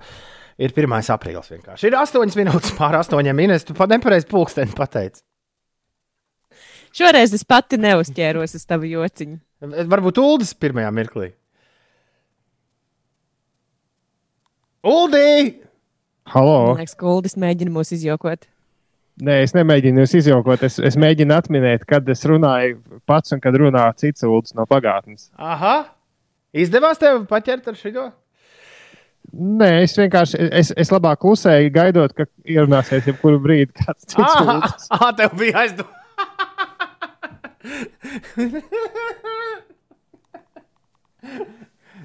Ines Uldis joprojām domā, ka šis ir ieraksts no pagātnes. Šis nav ieraksts no pagātnes. Pagaidzi, tas ir šis- īsts. Šis nav ieraksts no pagātnes. Mēs esam, mēs esam dzīvojā. Uldis ir savā dzīvojamajā istabā, Ines ir uh, guļamistabā. Es esmu Latvijas radio studijā vienīgais. Mēs uh, turpinām rīta vilcienu vest uz priekšu. Labi, ka mēs neesam Prāgā. Ja mēs būtu Prāgā, būtu baigās ziepes, ja mēs tagad būtu Prāgā. Ulds vakar bija aizbraucis uz nudistu pludmali. Vai nudistu pludmalē ir kaut kas interesants, vai nudisti ir divu metru attālumā attālinājušies labi?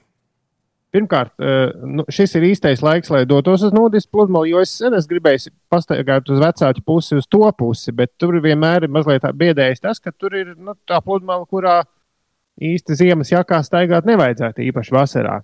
Jā, Tagad atceries, tur es tur netīšām iemaldījos. Jā, jā es, es nevēlējos atkārtot tavu kļūdu, bet šajā laikā uh, tur viss ir kārtībā. Tur neviena nudista, diemžēl, vai par laimi nav. Tur es redzēju vairākus gulbis, es redzēju ļoti daudz uh, cilvēkus, kas tiešām jāpiezīmē, nebija vairs bariņos, bet bija vai nu ģimenes ar bērniem, vai nu pa pāriem, vai pa vienam ļoti daudz bija. Tā kā kaut kādā veidā šie jaunie ierobežojumi nostrādājuši. Redzēju vairākus gulbis, ko esmu arī ielicis Instagram un Twitterī. Un izskatās, ka tā būs pēdējā laika retvītotākā ziņa, jo cilvēkiem izrādās minūtes skatīties uz gulbiem, ir tas, kas vajadzīgs šobrīd. Jā. Tu ļoti labi vienkārši uztaisīji to saucamo angļuiski build-up. Ļoti labi sagatavoju šo minūti cilvēkus. Es te atzīstos, ka es pā, atzīšos, ka es Instagramā pārtinu. Jo, Jā, man negribas. Es neesmu īstens, tu esi īsts draugs. Es neesmu tāds. Nu, es neesmu tajā garstāvoklī, ka es gribu tagad minūti skatīties uz gulbiem. Tieši tāda bija tā doma, ka ir uh, jāmēģina sev piespiest, nomeditēt to minūti. Bet svarīgāk, interesantākais bija tas, ka gulbi, kā sarunājuši, tiešām kamerā iebrauc un izbrauc precīzi minūtes laikā, lai būtu četros Instagram stāstīņos ielīstu. Varbūt tie iekšā. jau ir pieraduši. Viņi zina, kā jā, Jā, viņi redz, ka sāk filmēt. Ok, mums tagad ir minūte, lai pāršļūktu pāri laukumam. Nu, apmēram Jā. kaut kā tā. Jā, bet runājot par tīkliem, es varbūt padalīšos ar aptaujas rezultātiem, ko es vēl vakar. Jā, vēlāk. Uldis uztaisīja interesantu aptauju. Paga, es tev Jā. Kaut kādā šodien no pagātnes par godu 1. aprīlim teicu, ka, ja ir bijis, tad jāšauj. Ja tu kaut ko saki, tad nevis vēlāk, Jā. bet saki tagad. Tieši tā. Un es uh, uztaisīju aptauju ar jautājumu, vai tev šobrīd, uh, gan Twitterī, gan Instagramā, vai šobrīd tu garlaicībā nezini, ko iesākt, tu rāpies augšā pa sienām, vai arī nekam nav laika, stundas kaut kur pazūd un dienas burtiski apēd vienu otru. Twitterī 79% nekam nepietiek laika, un tikai 21% garlaikojas no 300 balsotājiem, kas ir diezgan daudz, jāsaka. Savukārt, Instagramā, eh, Instagramā tā, kas tie pa gulbiem? Man nācās pašam pāri. Nesāc tikai, nesāc tikai lamāties. Labi, labi, es Savas pārtinu gulbis pāri. pārtina. Instagramā ir nobalsojuši arī eh, gandrīz 300 cilvēki, un tur 72% nekam nav laika. No kā mēs varam diezgan droši secināt, ka 75% no 600 balsotājiem, kas ir diezgan vērā ņemama aptauja, 75% šobrīd izjūt laika trūkumu, neko nevar paspēt. Bet, ja godīgi, nepārāk veiksmīgi esi devis atbildžu variantus, es arī nospiedu uz to, ka neko nevar paspēt, tāpēc ka otra iespēja ir, ka ir garlaicīgi. Ga- Garlaicīgi man galīgi nav. Bet uh, mana atbilde par to, ka neko nevar paspēt, ir bišķi, ir bišķi pārspīlēta, bet tikai tāpēc, ka nav garlaicīgi. Tu saskati kaut kādu loģiku tajā? Es saskatu, jā, nu nebija. Tre... Es negribēju likt to trešo neitrālo, jo tāda būtu. Nu, es gribēju, lai spiež tie, kam ir galējības. Es cerēju, ka tie, kas nobalsos, būs galēji, galēji bupoļi. Jo es atzīšos, ka man ir diezgan skarbi ar laiku. Es nezinu, ko es daru. Nav jā, jā, jāmācās mājas skološanā bērni, bet, bet vai nu tāpēc, es pieļauju, ka vakar es secināju, ka tas ir tāpēc, ka nav big band. Jo nav neviena darbība, kas pilnībā atslēgtu no otras darbības. Šobrīd ir tikai radio un ziņas. Un ziņas ir visu laiku par vienu tēmu, šausmīgi daudz. Un Bet, bet, gribas pēc, jau- bet paskaties kādu filmu, palas kādu grāmatu. Nevar. Bet tu gribi Nu, kā- teikt, kā ka nevar? iepriekš, iepriekš bija vieglāk, Uldi? Pirms viss šī, jā, jo bija ļoti, Jā. bija ļoti dažādas tēmas, tas, kas notiek pasaulē. Jo man jau arī gribas būt lietas kursā, lai mēs te no rīta varam kaut kā atbildīgi, plus mīnus zinoši runāt par, par tēmām, par kurām mēs šorīt pat vispār nerunājam. Līdz ar to Bet ir jāsako vairāk- līdzi.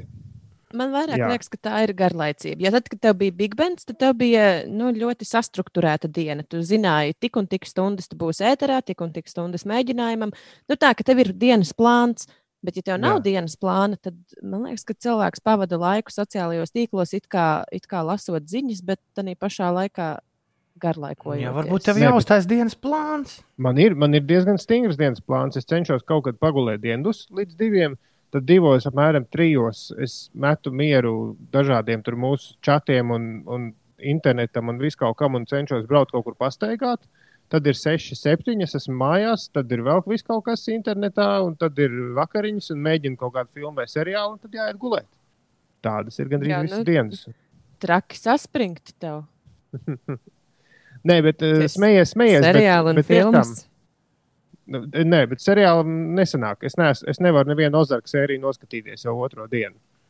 Pēc desmit minūtēm vienkārši secinu, ka uzmanību neņem. Un, e, vienīgais, kas strādā, ir tas laiks, kad ir pastaigi. Jo tad es telefonu izslēdzu nost un viss.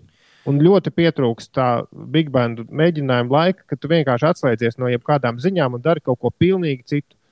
Varbūt, ka jāsāk kaut kas, nezinu, remontēt vai spēlēt datorspēles. Bet vienam no mums būs Ozarks, un tas otrs seriāls, par kuru runāju šorīt Amerikas rīta radio, Tiger King. Kādam būs tas jāpaskatās? Jo no amerikāņu rīta radio es sapratu, ka šie abi ir jāskatās. Tiger King es biju pieteicis jau šai nedēļai, bet tad mums vēl ir viens Ines seriāls parādā, un tu gribēji par tiem tur stāstīt vakar. Bet Tiger King es biju plānojis jau vakardien runāt. Es paskatīšos, lai mēs varam nākamā otrdienu Jā. vismaz, vismaz parunāt. Labi, ir jau 15 pār 8. Klau, es gribēju visiem, kas mūs klausās tiešraidē, kas mūs dzird par radio. Mums parasti ap šo laiku ir, kamēr ir ārkārtējā situācija, dziesmu pasūtījumu koncerts. Kādi pāris no jums tiek pie kādas dziesmas radio ēterā. Šis rīts nebūs izņēmums. Kādam no jums ir iespēja tikt pie jā, kāda jauka skaņdarba. 1. aprīlī varbūt ir kaut kas īpašs, ko jūs vēlaties dzirdēt. 293, 202, 293, 202. Labrīt, lielisks rīts, raksta Ēriks Rieksts. Ieslēdz radio un izdzird dīvainas balsis, un vēl pasaka, ka ir 6 rītā. Acis uzreiz atvērās. Tad jau, esam, tad jau esam veikuši to, kas mums bija jāveic. Esam uzdevuma augstumos. The world is waking up. And change is coming. Nē, nē, Grēta, lieties mierā. Čau, eterbiedri! Čau, Wolf! Etera cilvēki! Čau, čau!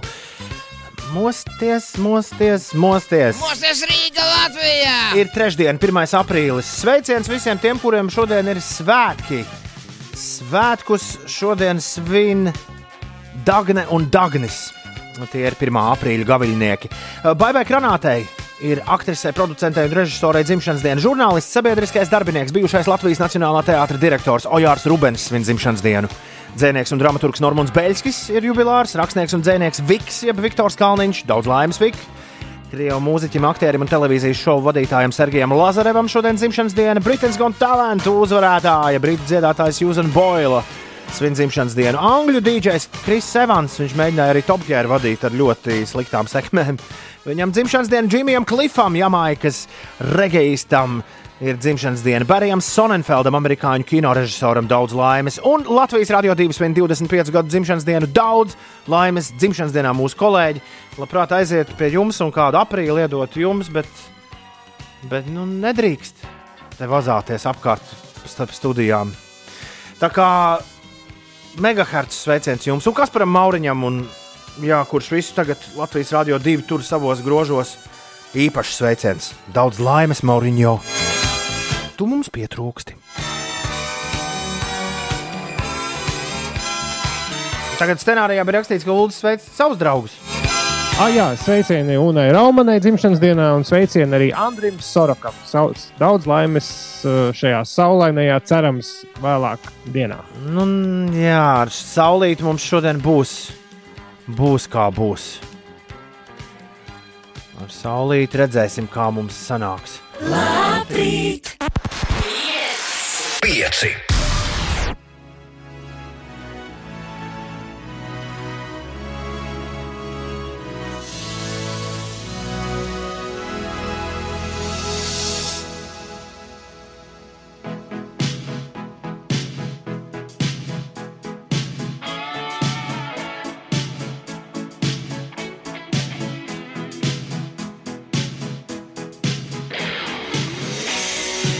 Atkal dziesma par gaļu. Nē, par kartupeļiem. Nu, vismaz. Es gribu cept flī, Es gribu cept frī. Es gribu cept frī kartupeļus, bet nesmu tos cepis nekad. Man nesanāk frī.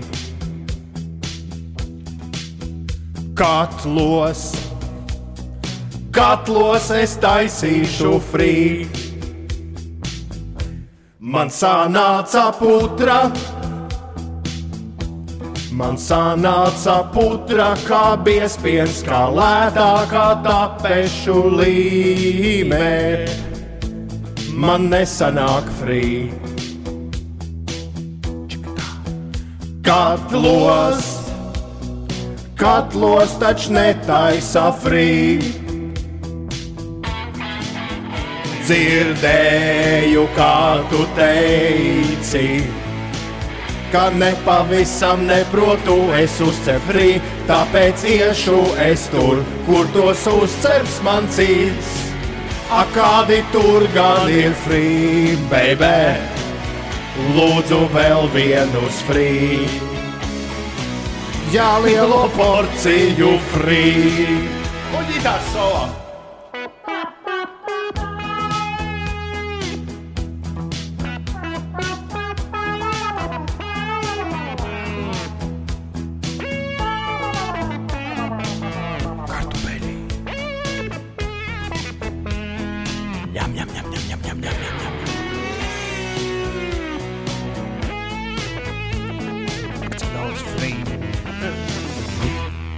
Pamodos mājās. Un pirmā doma gribas man vēl, gribas man vēl, gribas man vēl vienu šķīvi. Varu taču pagatavot pats. Hei! Katlos! gatavošu es tos. Jau nomazgāju šķīvi, es gribu cept frī. Es gribu vēl frī. Oh, oh, oh. Es gribu vēl frī. Yeah.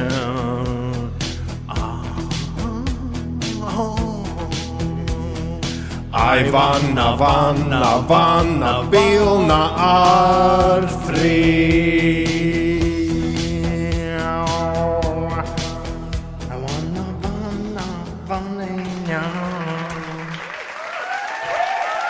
Gribu cept frī. Ai, kā izdziedājāmies. Jā, Gano! 8, 27. Ines! Jā. Kas notiek? Kā no Twin Peaks tev. Kas notiek? Ines. Um, nu, situācija uz uh, valsts autoceļiem ir uh, diezgan kārtībā, neskatoties uz to, ka ārā sniega sniegs ir nelieli sastrēgumi Rīgas ielās, bet tiešām diezgan maziņi. Deglavielā šobrīd ir jārēķinās aptuveni ar uh, 6 km, ne, bet 6 minūšu uh, ilgu sastrēgumu. Vēl arī uz autoceļa A7 baložu pagrieziens Bauskas iela ir aptuveni 3 minūšu kavēšanās, un mazliet iepriekš uz A7 no Kroksila līdz baložu pagriezienam tur 3,5 minūtes ir ceļā. Jā, tad par laikapstākļiem. Šodien Latvijā būs pārsvarā mākoņdienas laiks, saulaināka diena valsts ziemeļu pusē, gaisa temperatūra paaugstināsies līdz plus 3, plus 9 grādiem. Rietumu vēja ātrums brāzmās sasniegs 9,14 m2, un priekšpusdienā vēl valsts lielākajā daļā, bet pēc tam vietām valstī gaidāmi nokrišņi galvenokārt nelielas lietus. Rīgā iespējams arī nelielas lietus ar mākoņiem. Izsprāgsies saules stari un gaiss iesils līdz plus 8 grādiem. Tas galvaspilsētā. Tā tiešraidē starp Bausku un Iecavu ziņo no laukiem, ziņo Inesē. Jā. Paldies Elīnai, kur pirms mirkļa gribēja zivju postu dzirdēt. Uh, labrīt, attālināti strādājošiem kolēģiem no Anitas. Bez jums birojā ir klusi. Īpaši sveicieni Džordžam. Mārtiņš no ķekavas ir vakar uzzinājis, ka Beāta, jeb Beta, mūs klausās. Viņš raksta, vai jūs varat lūdzu novēlēt veiksmīgu dienu Beatai, jeb Betai no sevis un manis? Vakar uzzināju, ka viņi jūs klausās. Forši paprasti vēl pāris cilvēkiem, kas svarīgi tavā dzīvē, ko viņi klausās. Un, ja viņi mūs neklausās, iesaku, lai paklausās. Gribētu apsveikt visus ceļu policijas darbiniekus 101. gada dienā. 1. aprīlis oficiāli ir ceļu policijas diena. Ah, tad, ja šodien kādu apstādina policists, tad uh, var mēģināt ar aprīli, aprīli izšļūt. Un daudz laimes dzimšanas dienā kaut kā cauri. Domā? Nu, nezinu. Man liekas, ka tā tās lietas uh, neiet krastā. Nu, labi. Izslēdziet to fonu, jo man liekas, ka Inês sēž kūtī. Bet es biju aizgājusi uz uh, vistu kūtiņu, pasēdēt uz uh, laktas. Jo Toms taču gribēja, lai, lai gribēja dzirdēt, kā skan lauki. Jā, tas uzreiz iedod tādu labu sajūtu. Ma ma makšķerē tagad drīkst ūdeni? Kā tur bija? Drīkst. Uh, Viens pats laivā, jā. Ja? Drīkstēt, drīkst, Mans- bet ne no laivas. Ne no Kā? laivas, jā. Ā, nedrīkst laiva, braukt ar laivu Nedrīkst iekšā. no laivas. Laiva būs no 1. māja, cik es zinu. Ah, ok. Tad uh, visiem tiem, ka, kas nevar sagaidīt, drīkst vēl vienu zivju pastu dziesmu, producentu kungs nospēlēt. Droši, jā, jā. Nu, tad aiziet. Iedam kopā? Nu, jā. Vienāds augšā no sākuma. Es jūtu zīvis šais ūdeņos, ar elektrību šodien tāpu sarakšos. Lai rīt no rīta, pirms rīta uzmas, pēc vieglām brokastīm uz upi kustētos. Mm, kā batā man zivju tīkliņš, guminieki kājās, spinīgs pārmes man pār plecu. Izsalkums, ja māksies virsū, sasmērēju maizītes ar desu redīsiem un sieru holandēs. Krāsainu laivu sākšu es pūst, lai pirmais trāpu to ūdenī grūst. Cerams, airis netaisās lūst. Krasta stājies, krasta stājies, galdi klājies. Oh, oh, man katru brīvu brīdī patīk zvejot, zvejot, zvejot. Pusmas ezerā vai dikļos gribu zvejot, zvejot, zvejot. Kamēr citi vēlas dejot, man vajag zvejot, zvejot, zvejot. Dzīves tīklā metu smējot, man patīk zvejot. Ejam uz baru! Nē, es gribu zvejot, zvejot, zvejot. Paliec pie manis! Nē, man vajag zvejot, zvejot, zvejot. Neķelāšos, nelaid mani zvejot, zvejot, zvejot. Es arī gribu, nu tad laižam kopā zvejot. Zīvis negrib rokā doties, Man tomēr nepatīk. laivā negrīst kājās celties. Negribu makšķerēt. Apčī. Vai man pareizi atmiņa saka, ka mēs šo rakstījām rīktīgi daudz reizes? Un tāpat viss ir sadziedāts galīgi neritmā. Wow, es biju pavisam aizmirsis, ka arī es tur piedalos. Pie tam tik forši. Tu- Tas tāpēc, ka mēs daudzas reizes rakstījām. Rīktīgi forši. Ines Malacis. Visi aplaudēja tagad Inesai. Visi, kas ir šeit, visi aplaudēja Inesai. Jā. viens pats. Tieši tā, tieši tā. Tādā laikā mēs te dzīvojam. Mm -hmm. 8,32. Metam gaisā vai grūžam aizā. Interesantās mūzikas aptauja. Katru rītu apmēram pēc pusdeviņiem. Gaisā vai aizā? Un šorīt, kā jau vakar, gaisā mesta, lai iet šī jaunkundze.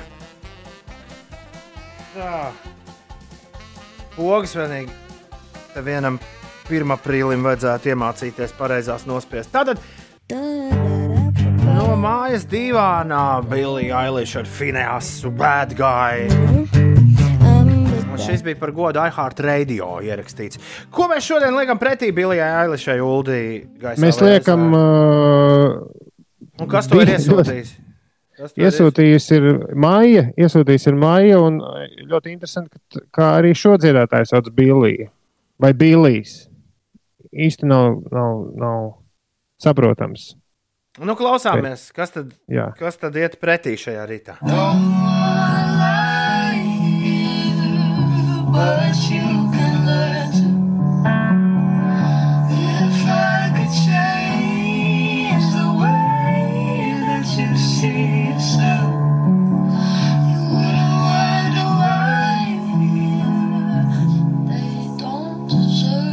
Interesantās mūzikas aptaujas gaisā vai aizā. Nu, ļoti interesantā kvalitātē. Billija un Finijas Everything I Wanted priekš James Corden show. Viņi vienkārši attaisījuši kaut kādu hangout vai Skype vai ne, Ulu, un Jā. Nu, skaidrs. Uh, Kārkliņš raksta, laikam, gaisā vai aizā ir iestājusies krīze. Abas jāmet aizā. 293, 202, ko metam gaisā un ko grūžam To- aizā. Šī ir starp citu vienīgā reize, kad to var izdarīt. Jā, Metam gaisā vai grūžam aizā. Interesantās mūzikas aptauja katru rītu apmēram pēc pusdeviņiem. Dziesmu ieteikumus sūti uz rītēta 5.CLV. 8,37. Šorīt var arī kādu citu dziesmu uzmest gaisā. Nu, vis, vis kaut ko var darīt. 293, 202, ko jūs darīsiet, tas atkarīgs no jums. Kas mums zvana? Labrīt! Halo! Austris! Čau, Austri! Kā, tu- labrīt. kā tu jūties? Tu izklausies satraucies. Austri, nevajag satraukties. Kā lai nesatraucās šitādā laikā? Nu, beidz, Austri. Iekšēji, iekšēji, meklē iekšējo mieru. Tas Es domāju, ka Tāpat Austris baidās par to, ka viņu kāds izjokos šodien. Tā tāds satraucies. būt. Austri, ko metam gaisā? Pirmo biliju. Pirmā bilija gaisā. Sarunāts. Pirmā bilija gaisā. Labrīt, radio. Halo! Šeit gaisā vai aizā, kas mums zvana? Striķis. Čau, Striķi kungs. Nu, kā tev apdūš šajā rītā? Normāli. Es gribu dzirdēt pasādzies. Kas, kas tā tāda ir? Nu, iepriekš bija tāda viena. Pasāta dziesma. Jā. Kāds to kāds atceras kaut ko tādu? Nu, tur, Uldi, kur, ā, Uldines. Igauņi dziedāja. Ā, to, kur Igauni dziedāja. Jā, jā. Jā, labi. Igaunus ar, ar, ar lielu prieku varam uzmest šorīt gaisā. Metam! Metam gaisā! Volkswagen Passat, I'll be rolling, shalala. I got the need for the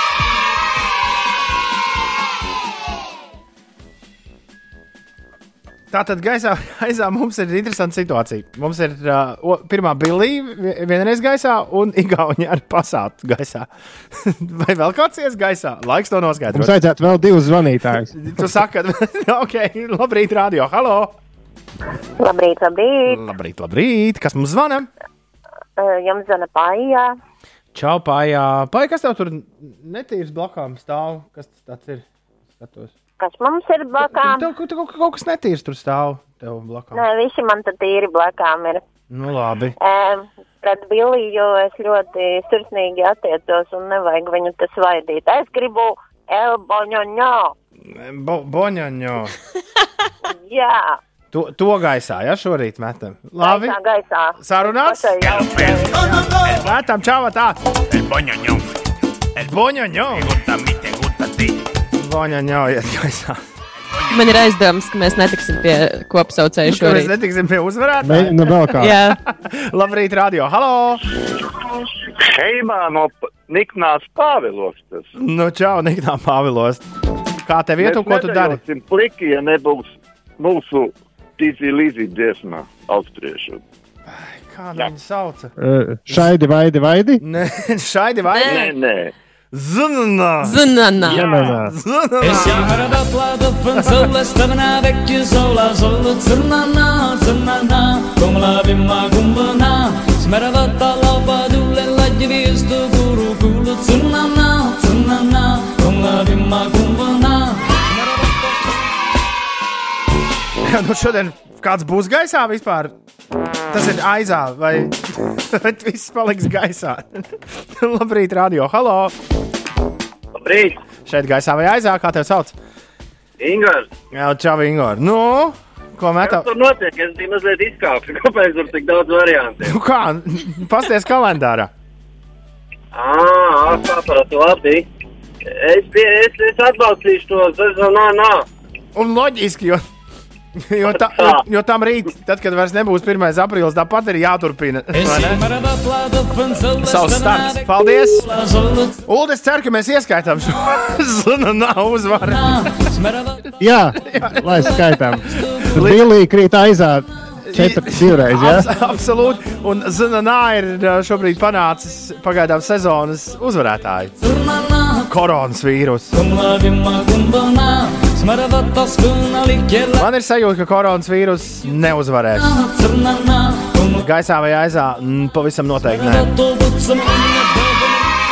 Zananā iet gaisā un Bilija Ailīša reiz divi.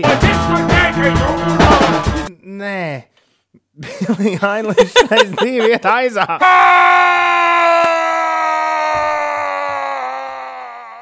Oh, nu, brīnišķīgi. Šis nebija viegli. ir rīktīgi grūti Ulu uztaisīt atbalstu vietējos video klipiņu, kamēr dziesma ir tikai divas minūtes gara. Bet mēs šeit Latvijas Rādio 5,5 LV atbalstām vietējo mūziku un uh, darām, ko vien varam, varam lai, lai mūsējie skanētu aizvien biežāk. Uh, jo viņiem sēžot mājās, nu, iespēja tikt pie naudas ir uh, nu, vispār nogriezt. Un vēl svarīgi, ļoti svarīgi ir vienkārši atgādināt, ka ne, ne tikai tas, ko viņi paši dara savā Instagramā, bet ka vēl kāds par viņiem domā. Jā, mēs nu. esam izdomājuši arī vienu rotaļu jaunu ar mūsu pašmāju mūziķiem, bet uh, tas nav 1. aprīļa joks. Bet uh, pagaidīsim, lai, š, lai pienāk īstais laiks šai rotaļai. Drīz būs. Uh, Jānis Strīds prasa, vai uh, viņš saka, es nedzirdēju, kurš gāja gaisā. Varētu lūdzu ātri atkārtot. Uh, Bilija Ailiša tā nebija. Jā, kurā gadījumā uh, atkārtojumam nav laika, jo Inesai ir jāstāsta, kas notiek. Ines, kas notiek? Jā, pastāstīšu par gaidāmo nedēļu. Nākamā nedēļa Latvijā būs līdz šim siltākā šajā gadā, tā liecina jaunākās sinaptiķu prognozes. Turpmākajās dienās laikapstākļus noteiks spēcīgs ciklons, ceturtdien un piekdien plosīsies vējš ar brāzmām 18 līdz 26 m2. Nedēļas beigās laiks kļūs siltāks un uh, sausāks, vēl visaugstākā gaisa temperatūra Nedēļas nogalē būs plus 6, plus 12 grādi, bet jā, nākamās nedēļas sākumā kļūs krietni siltāks.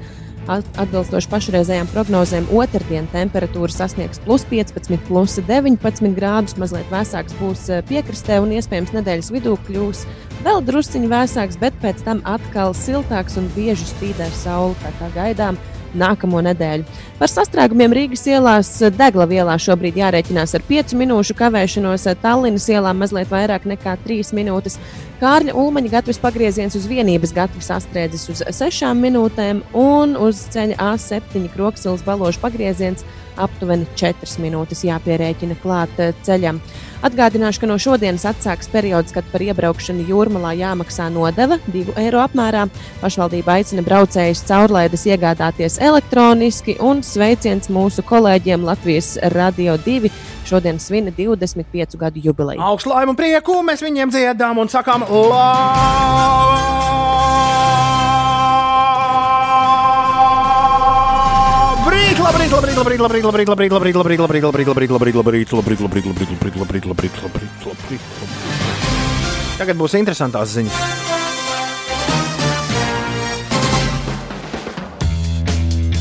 šobrīd, kad neskaitāmas sapulces notiek dažādos internetu video čatos, zūmos, skypos, hangoutos, tīmos un kur tik vēl ne arī privātās dzīves ainiņas pamazām pārceļas digitālajā vidē. Mēs nesen stāstījām, ka lietotne Tinder ir atvērusi iespēju sapazīties ar cilvēkiem visās pasaules malās, un kāds vīrs Jorge Rio de Janeiro izmantoja šo iespēju un iepazinies ar simpātisku dāmu pilnīgi citā kontinentā, Portugālē. Kā jau mūsdienās tas notiek, drīz vien abi sirdsāķīši nolēmuši satikties dzīvē, un tā kā abus šķīris ne tikai okeāns, bet arī pārvietošanās ierobežojumi Covid-19 sakarā, Jorge uzaicinājis savu topošo sirdsdāmu pievienoties viņam video chatā. Diemžēl brīdī, kad abi mēģinājuši sazvanīties, Jorges dators, internets vai paši neveiklie pirksti izspēlējuši neveiklu joku, un Portugāles pilsētas Castelo de Vide dzīvojošās Marijas vietā viņš pilnīgi nejauši ticis savienots ar pilnīgi citu dāmu, kas arī izrādījusies Marija, tikai dzīvojusi salīdzinoši netālu no stāsta galvenā varoņa, turpat Rio de Janeiro. Tā kā Tinder fotografijas bieži neļauj precīzi pateikt, kā cilvēks izskatās reālajā dzīvē, šito es nemaz nezināju. Jorge... Nu, nē, nu, tas ir atkarīgs no tā, kā tu pats sev parādi. Jorge nu. neko nenojausdams pļāpājas ar jauno Mariju video čatā, kas, lai arī bijusi mazliet pārsteigta, ar laiku arī sākus izrādīt simpātijas pret puisi. Pēc dažu nedēļu aktīvas plakāšanas, kas reizēm ievilkusies līdz vēlai naktī, Jorge izlēma spērt drosmīgu soli un bildinājis savu iecerēto. Vismaz virtuāli, līdz brīdim, kad varēs satikties pa īstam. Marija ir teikusi virtuāli jā, un Jorge, lai būtu godīgs virtuālais līgavainis, devies izdzēst Tinder. Un liels bija viņa pārsteigums, ieskatoties čatā, kur otrā aizokeāna Marija vēl kādu laiku bija rakstījusi skumjas ziņas. Viņš ir ieraudzījis to līdz sapratusi, ka ir no. Gaustota. Nu, tā kā ir nu, gaustošana, jā, ka viņš nogaustota vienkārši un metus- pārstājas sarakstīties. un metus mieru. Ko Jorgem tagad darīt? Vai šis ir stāsts par labāku zīli rokā, ņemot vērā, ka bildinātā Marija dzīvo turpat Rio? Brazīlijas presi, kur Jorge padalījies ar savu stāstu sadaļā dzīvē aiz ekrāna, neatklāja, ar ko stāsts beidzas. Vienā brīdī pārbaudiet, vai tas, kas ir ekrāna otrajā pusē, ir īstais cilvēks. Virtuālie bildinājumi ir mūsu nākotne, tiešām. Tiešām, Jā, varbūt arī virtuālās kāzu ceremonijas arī. Jā. Daudz vietā pasaulē šobrīd ir pilnīgs karantīnas apstākļi un ir atļauts iziet vien uz veikalu, aptieku vai izvest suni. Un kāds vīrs Spānijā vārdā Jons izdomājis interesantu veidu, kā tikt pie produktiem, neizejot no mājām. Viņa mājsaimniecībā mitinās vairāki dzīvnieki, tajā skaitā milzīgi pieradināta cūka un suns, kas iemācījies pārvietoties uz diezgan milzīgās cūkas, vārdā paprika muguras. Nenokrītot pat tad, kad cūka metas rikšos. Saimnieks jau iepriekš bija ieradies eh, doties uz veikalu suņu un cūkas pavadībā, un ap dzīvnieku ciemata galvenajā ielā parasti tikuši pie kāda kāruma no lepniem pārdevējiem. Tāpēc zvēriem šis pastaigu maršruts bija ļoti paprātam. Tagad, kad Jons spiests pavadīt dienas mājās, viņš izdomāja asprātīgu metodi, kā tikt pie produktiem. Paprika ar suni uz muguras dodas uz veikaliem viena, vieni paši. Suņukam zobos ir iepirkuma maisiņš, un arī cūkai pierīkots tādas kā seglu somas, lai varētu atnest arī smagākus pirkumus, piemēram, kartupeļus vai vīna kasti. Uldis ieliks Twitterī, kā tas izskatās, izskatās diezgan labi. Īpaši amizants skats pavērs tad, kad abi četrkājainie pircēji gaida pie miesnieka durvīm, kamēr tiek meklēts labākais cūgaļas karbonāts gabals. Par laimi, paprika nav kā ar karojošu vegānu, un viņai ir vienalga, kāda produkta tiek nesta saimniekam. Feini. Šobrīd īpaši grūtus laikus piedzīvo kāda industrija, ko šī krīze draud iznīcināt, un tie ir dzīvokļu zagļi. Jo viss taču sēž mājās, kā tu kaut ko nozags. Un tā kā daudz vietā pasaulē visdažādākās nozares ir pieprasījušas valsts atbalstu, Melnkalnē ir nodibināts dzīvokļu zagļu arotbiedrības. Un viņi ir pieprasījuši valstī kompensēt negūtos ienākumus. Varas iestādes bijušas visai pārsteigtas par šādu lūgumu un vērsušās policijā, taču tā bijusi bezspēcīga, jo neviens no jaundibinātās arotbiedrības biedriem tieši šobrīd netiek turēts aizdomās par nevienu zādzību. Pagaidām nav zināms, kā tieši jaunā arotbiedrība. Šī ir 1. aprīļa ziņa, Dēmit! Šī ir 1. aprīļa ziņa, Uldī! Šī nav reāla ziņa! Ah! Paldies, liels! Uldim ir kaut kas sakāms. Izlasīju līdz galam. Nav īsta ziņa, Ulu. Pagaidām Nu, tad grūti bija izlasīt Pagaidām nav galam. zināms, kā tieši jauna arotbiedrība iesniegs plānoto zaudējumu aprēķinu, taču visi arotbiedrības biedri kā viens nosolījušies. Gadījumā, ja viņi saņems garantētu valsts pabalstu vismaz 500 eiro mēnesī, viņi turpmāk uzvedīsies labi un metīs dzīvokļu zādzības pie malas. Labi, visas šīs ziņas bija uzrakstītas pēdējās pusstundas laikā. Neviena no tām nav īsta. Tu visu to pats izdomāji? Jā, nu labi, pēdējās stundas laikā. Kur tu to cūku ar suni atradi bildī? Es iegūlēju dog with pig. Okay, Tā, bija, tā bija mana mīļākā ziņa. Ines Uldī, e-punkts uz slīpsvītrā 55 dziesmas. Ir pienācis laiks 55 visu laiku labākajām dziesmām. Šī playliste sākas ar Portsmutas simfonijas orķestra Zartustras Strausa tēmu.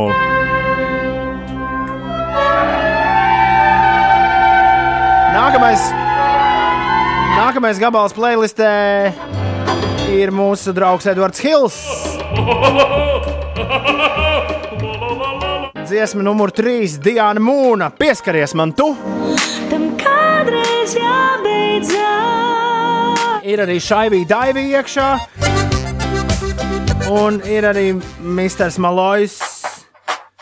To ULDS reiz bija senos laikos atradis kaut kur.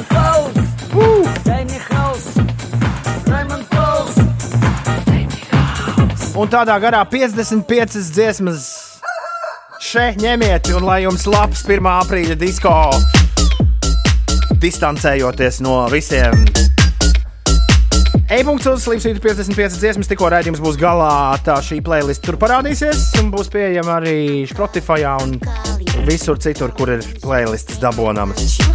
Šodien tātad 55 visu laiku labākās dziesmas. Šī, diemžēl, nebija Spotify. Es būtu šo arī pielicis. Merry Christmas! Salauztas sirds, sveces mirdz, zvana ģirts, būs laba pirts. Pēc tam ak, vai, vai, vai, vai, viss kļuvis karsts un neparasts. Svīstu es, liels man stress, kā netikšu uz banketu. Ak, vecītī, tec vecītī, lai priecīgu brīnumu dāvini. Lai varu es sveikt meitenes un dziedāt ļā, ļā, ļā, ļā, ļā, tai banketā. Tur rotaļas, piparkūkas, viens pats mājās, nē, tur lamājas. Desiņas, maziņas, 30% gaļiņas, garšīgas. Bet nākamreiz, kad zvanīs ģirts, es teikšu tam, ka nesmu žirgts. Lai tev draugs, rīta radio daudz, vienmēr blakus arī nākam gadu! Yay! And that's it, folks! Lai... Es tomēr ieliku to cūciņu Twitterī arī. lai- Ļoti lai labi, ļoti labi, ļoti labi. Labi, raksta, ej, Twitterī meklēt suni uz cūkas muguras. Labi, sūdi tev izdevās. Forši, forši, forši, forši. Pat ja nevaram, Vislabākais bija Sivēna vārds - paprika. pat ja mēs nevaram, uh, pat ja mēs nevaram un nedrīkstam jokot par, uh, par to, par ko visvairāk gribētos jokot, mazu prieciņu jau šajā dienā vajag. Bez tā it nekur. Paldies, visi, ka mūs klausījāties. 5 LV mēs esam dzirdami visu dienu, meklējot visos podkāstu servisos šī raidījuma kopsavilkumu. Rīt mēs būsim atpakaļ. Paldies, ka klausījāties. Visu labu! Atā! Atā!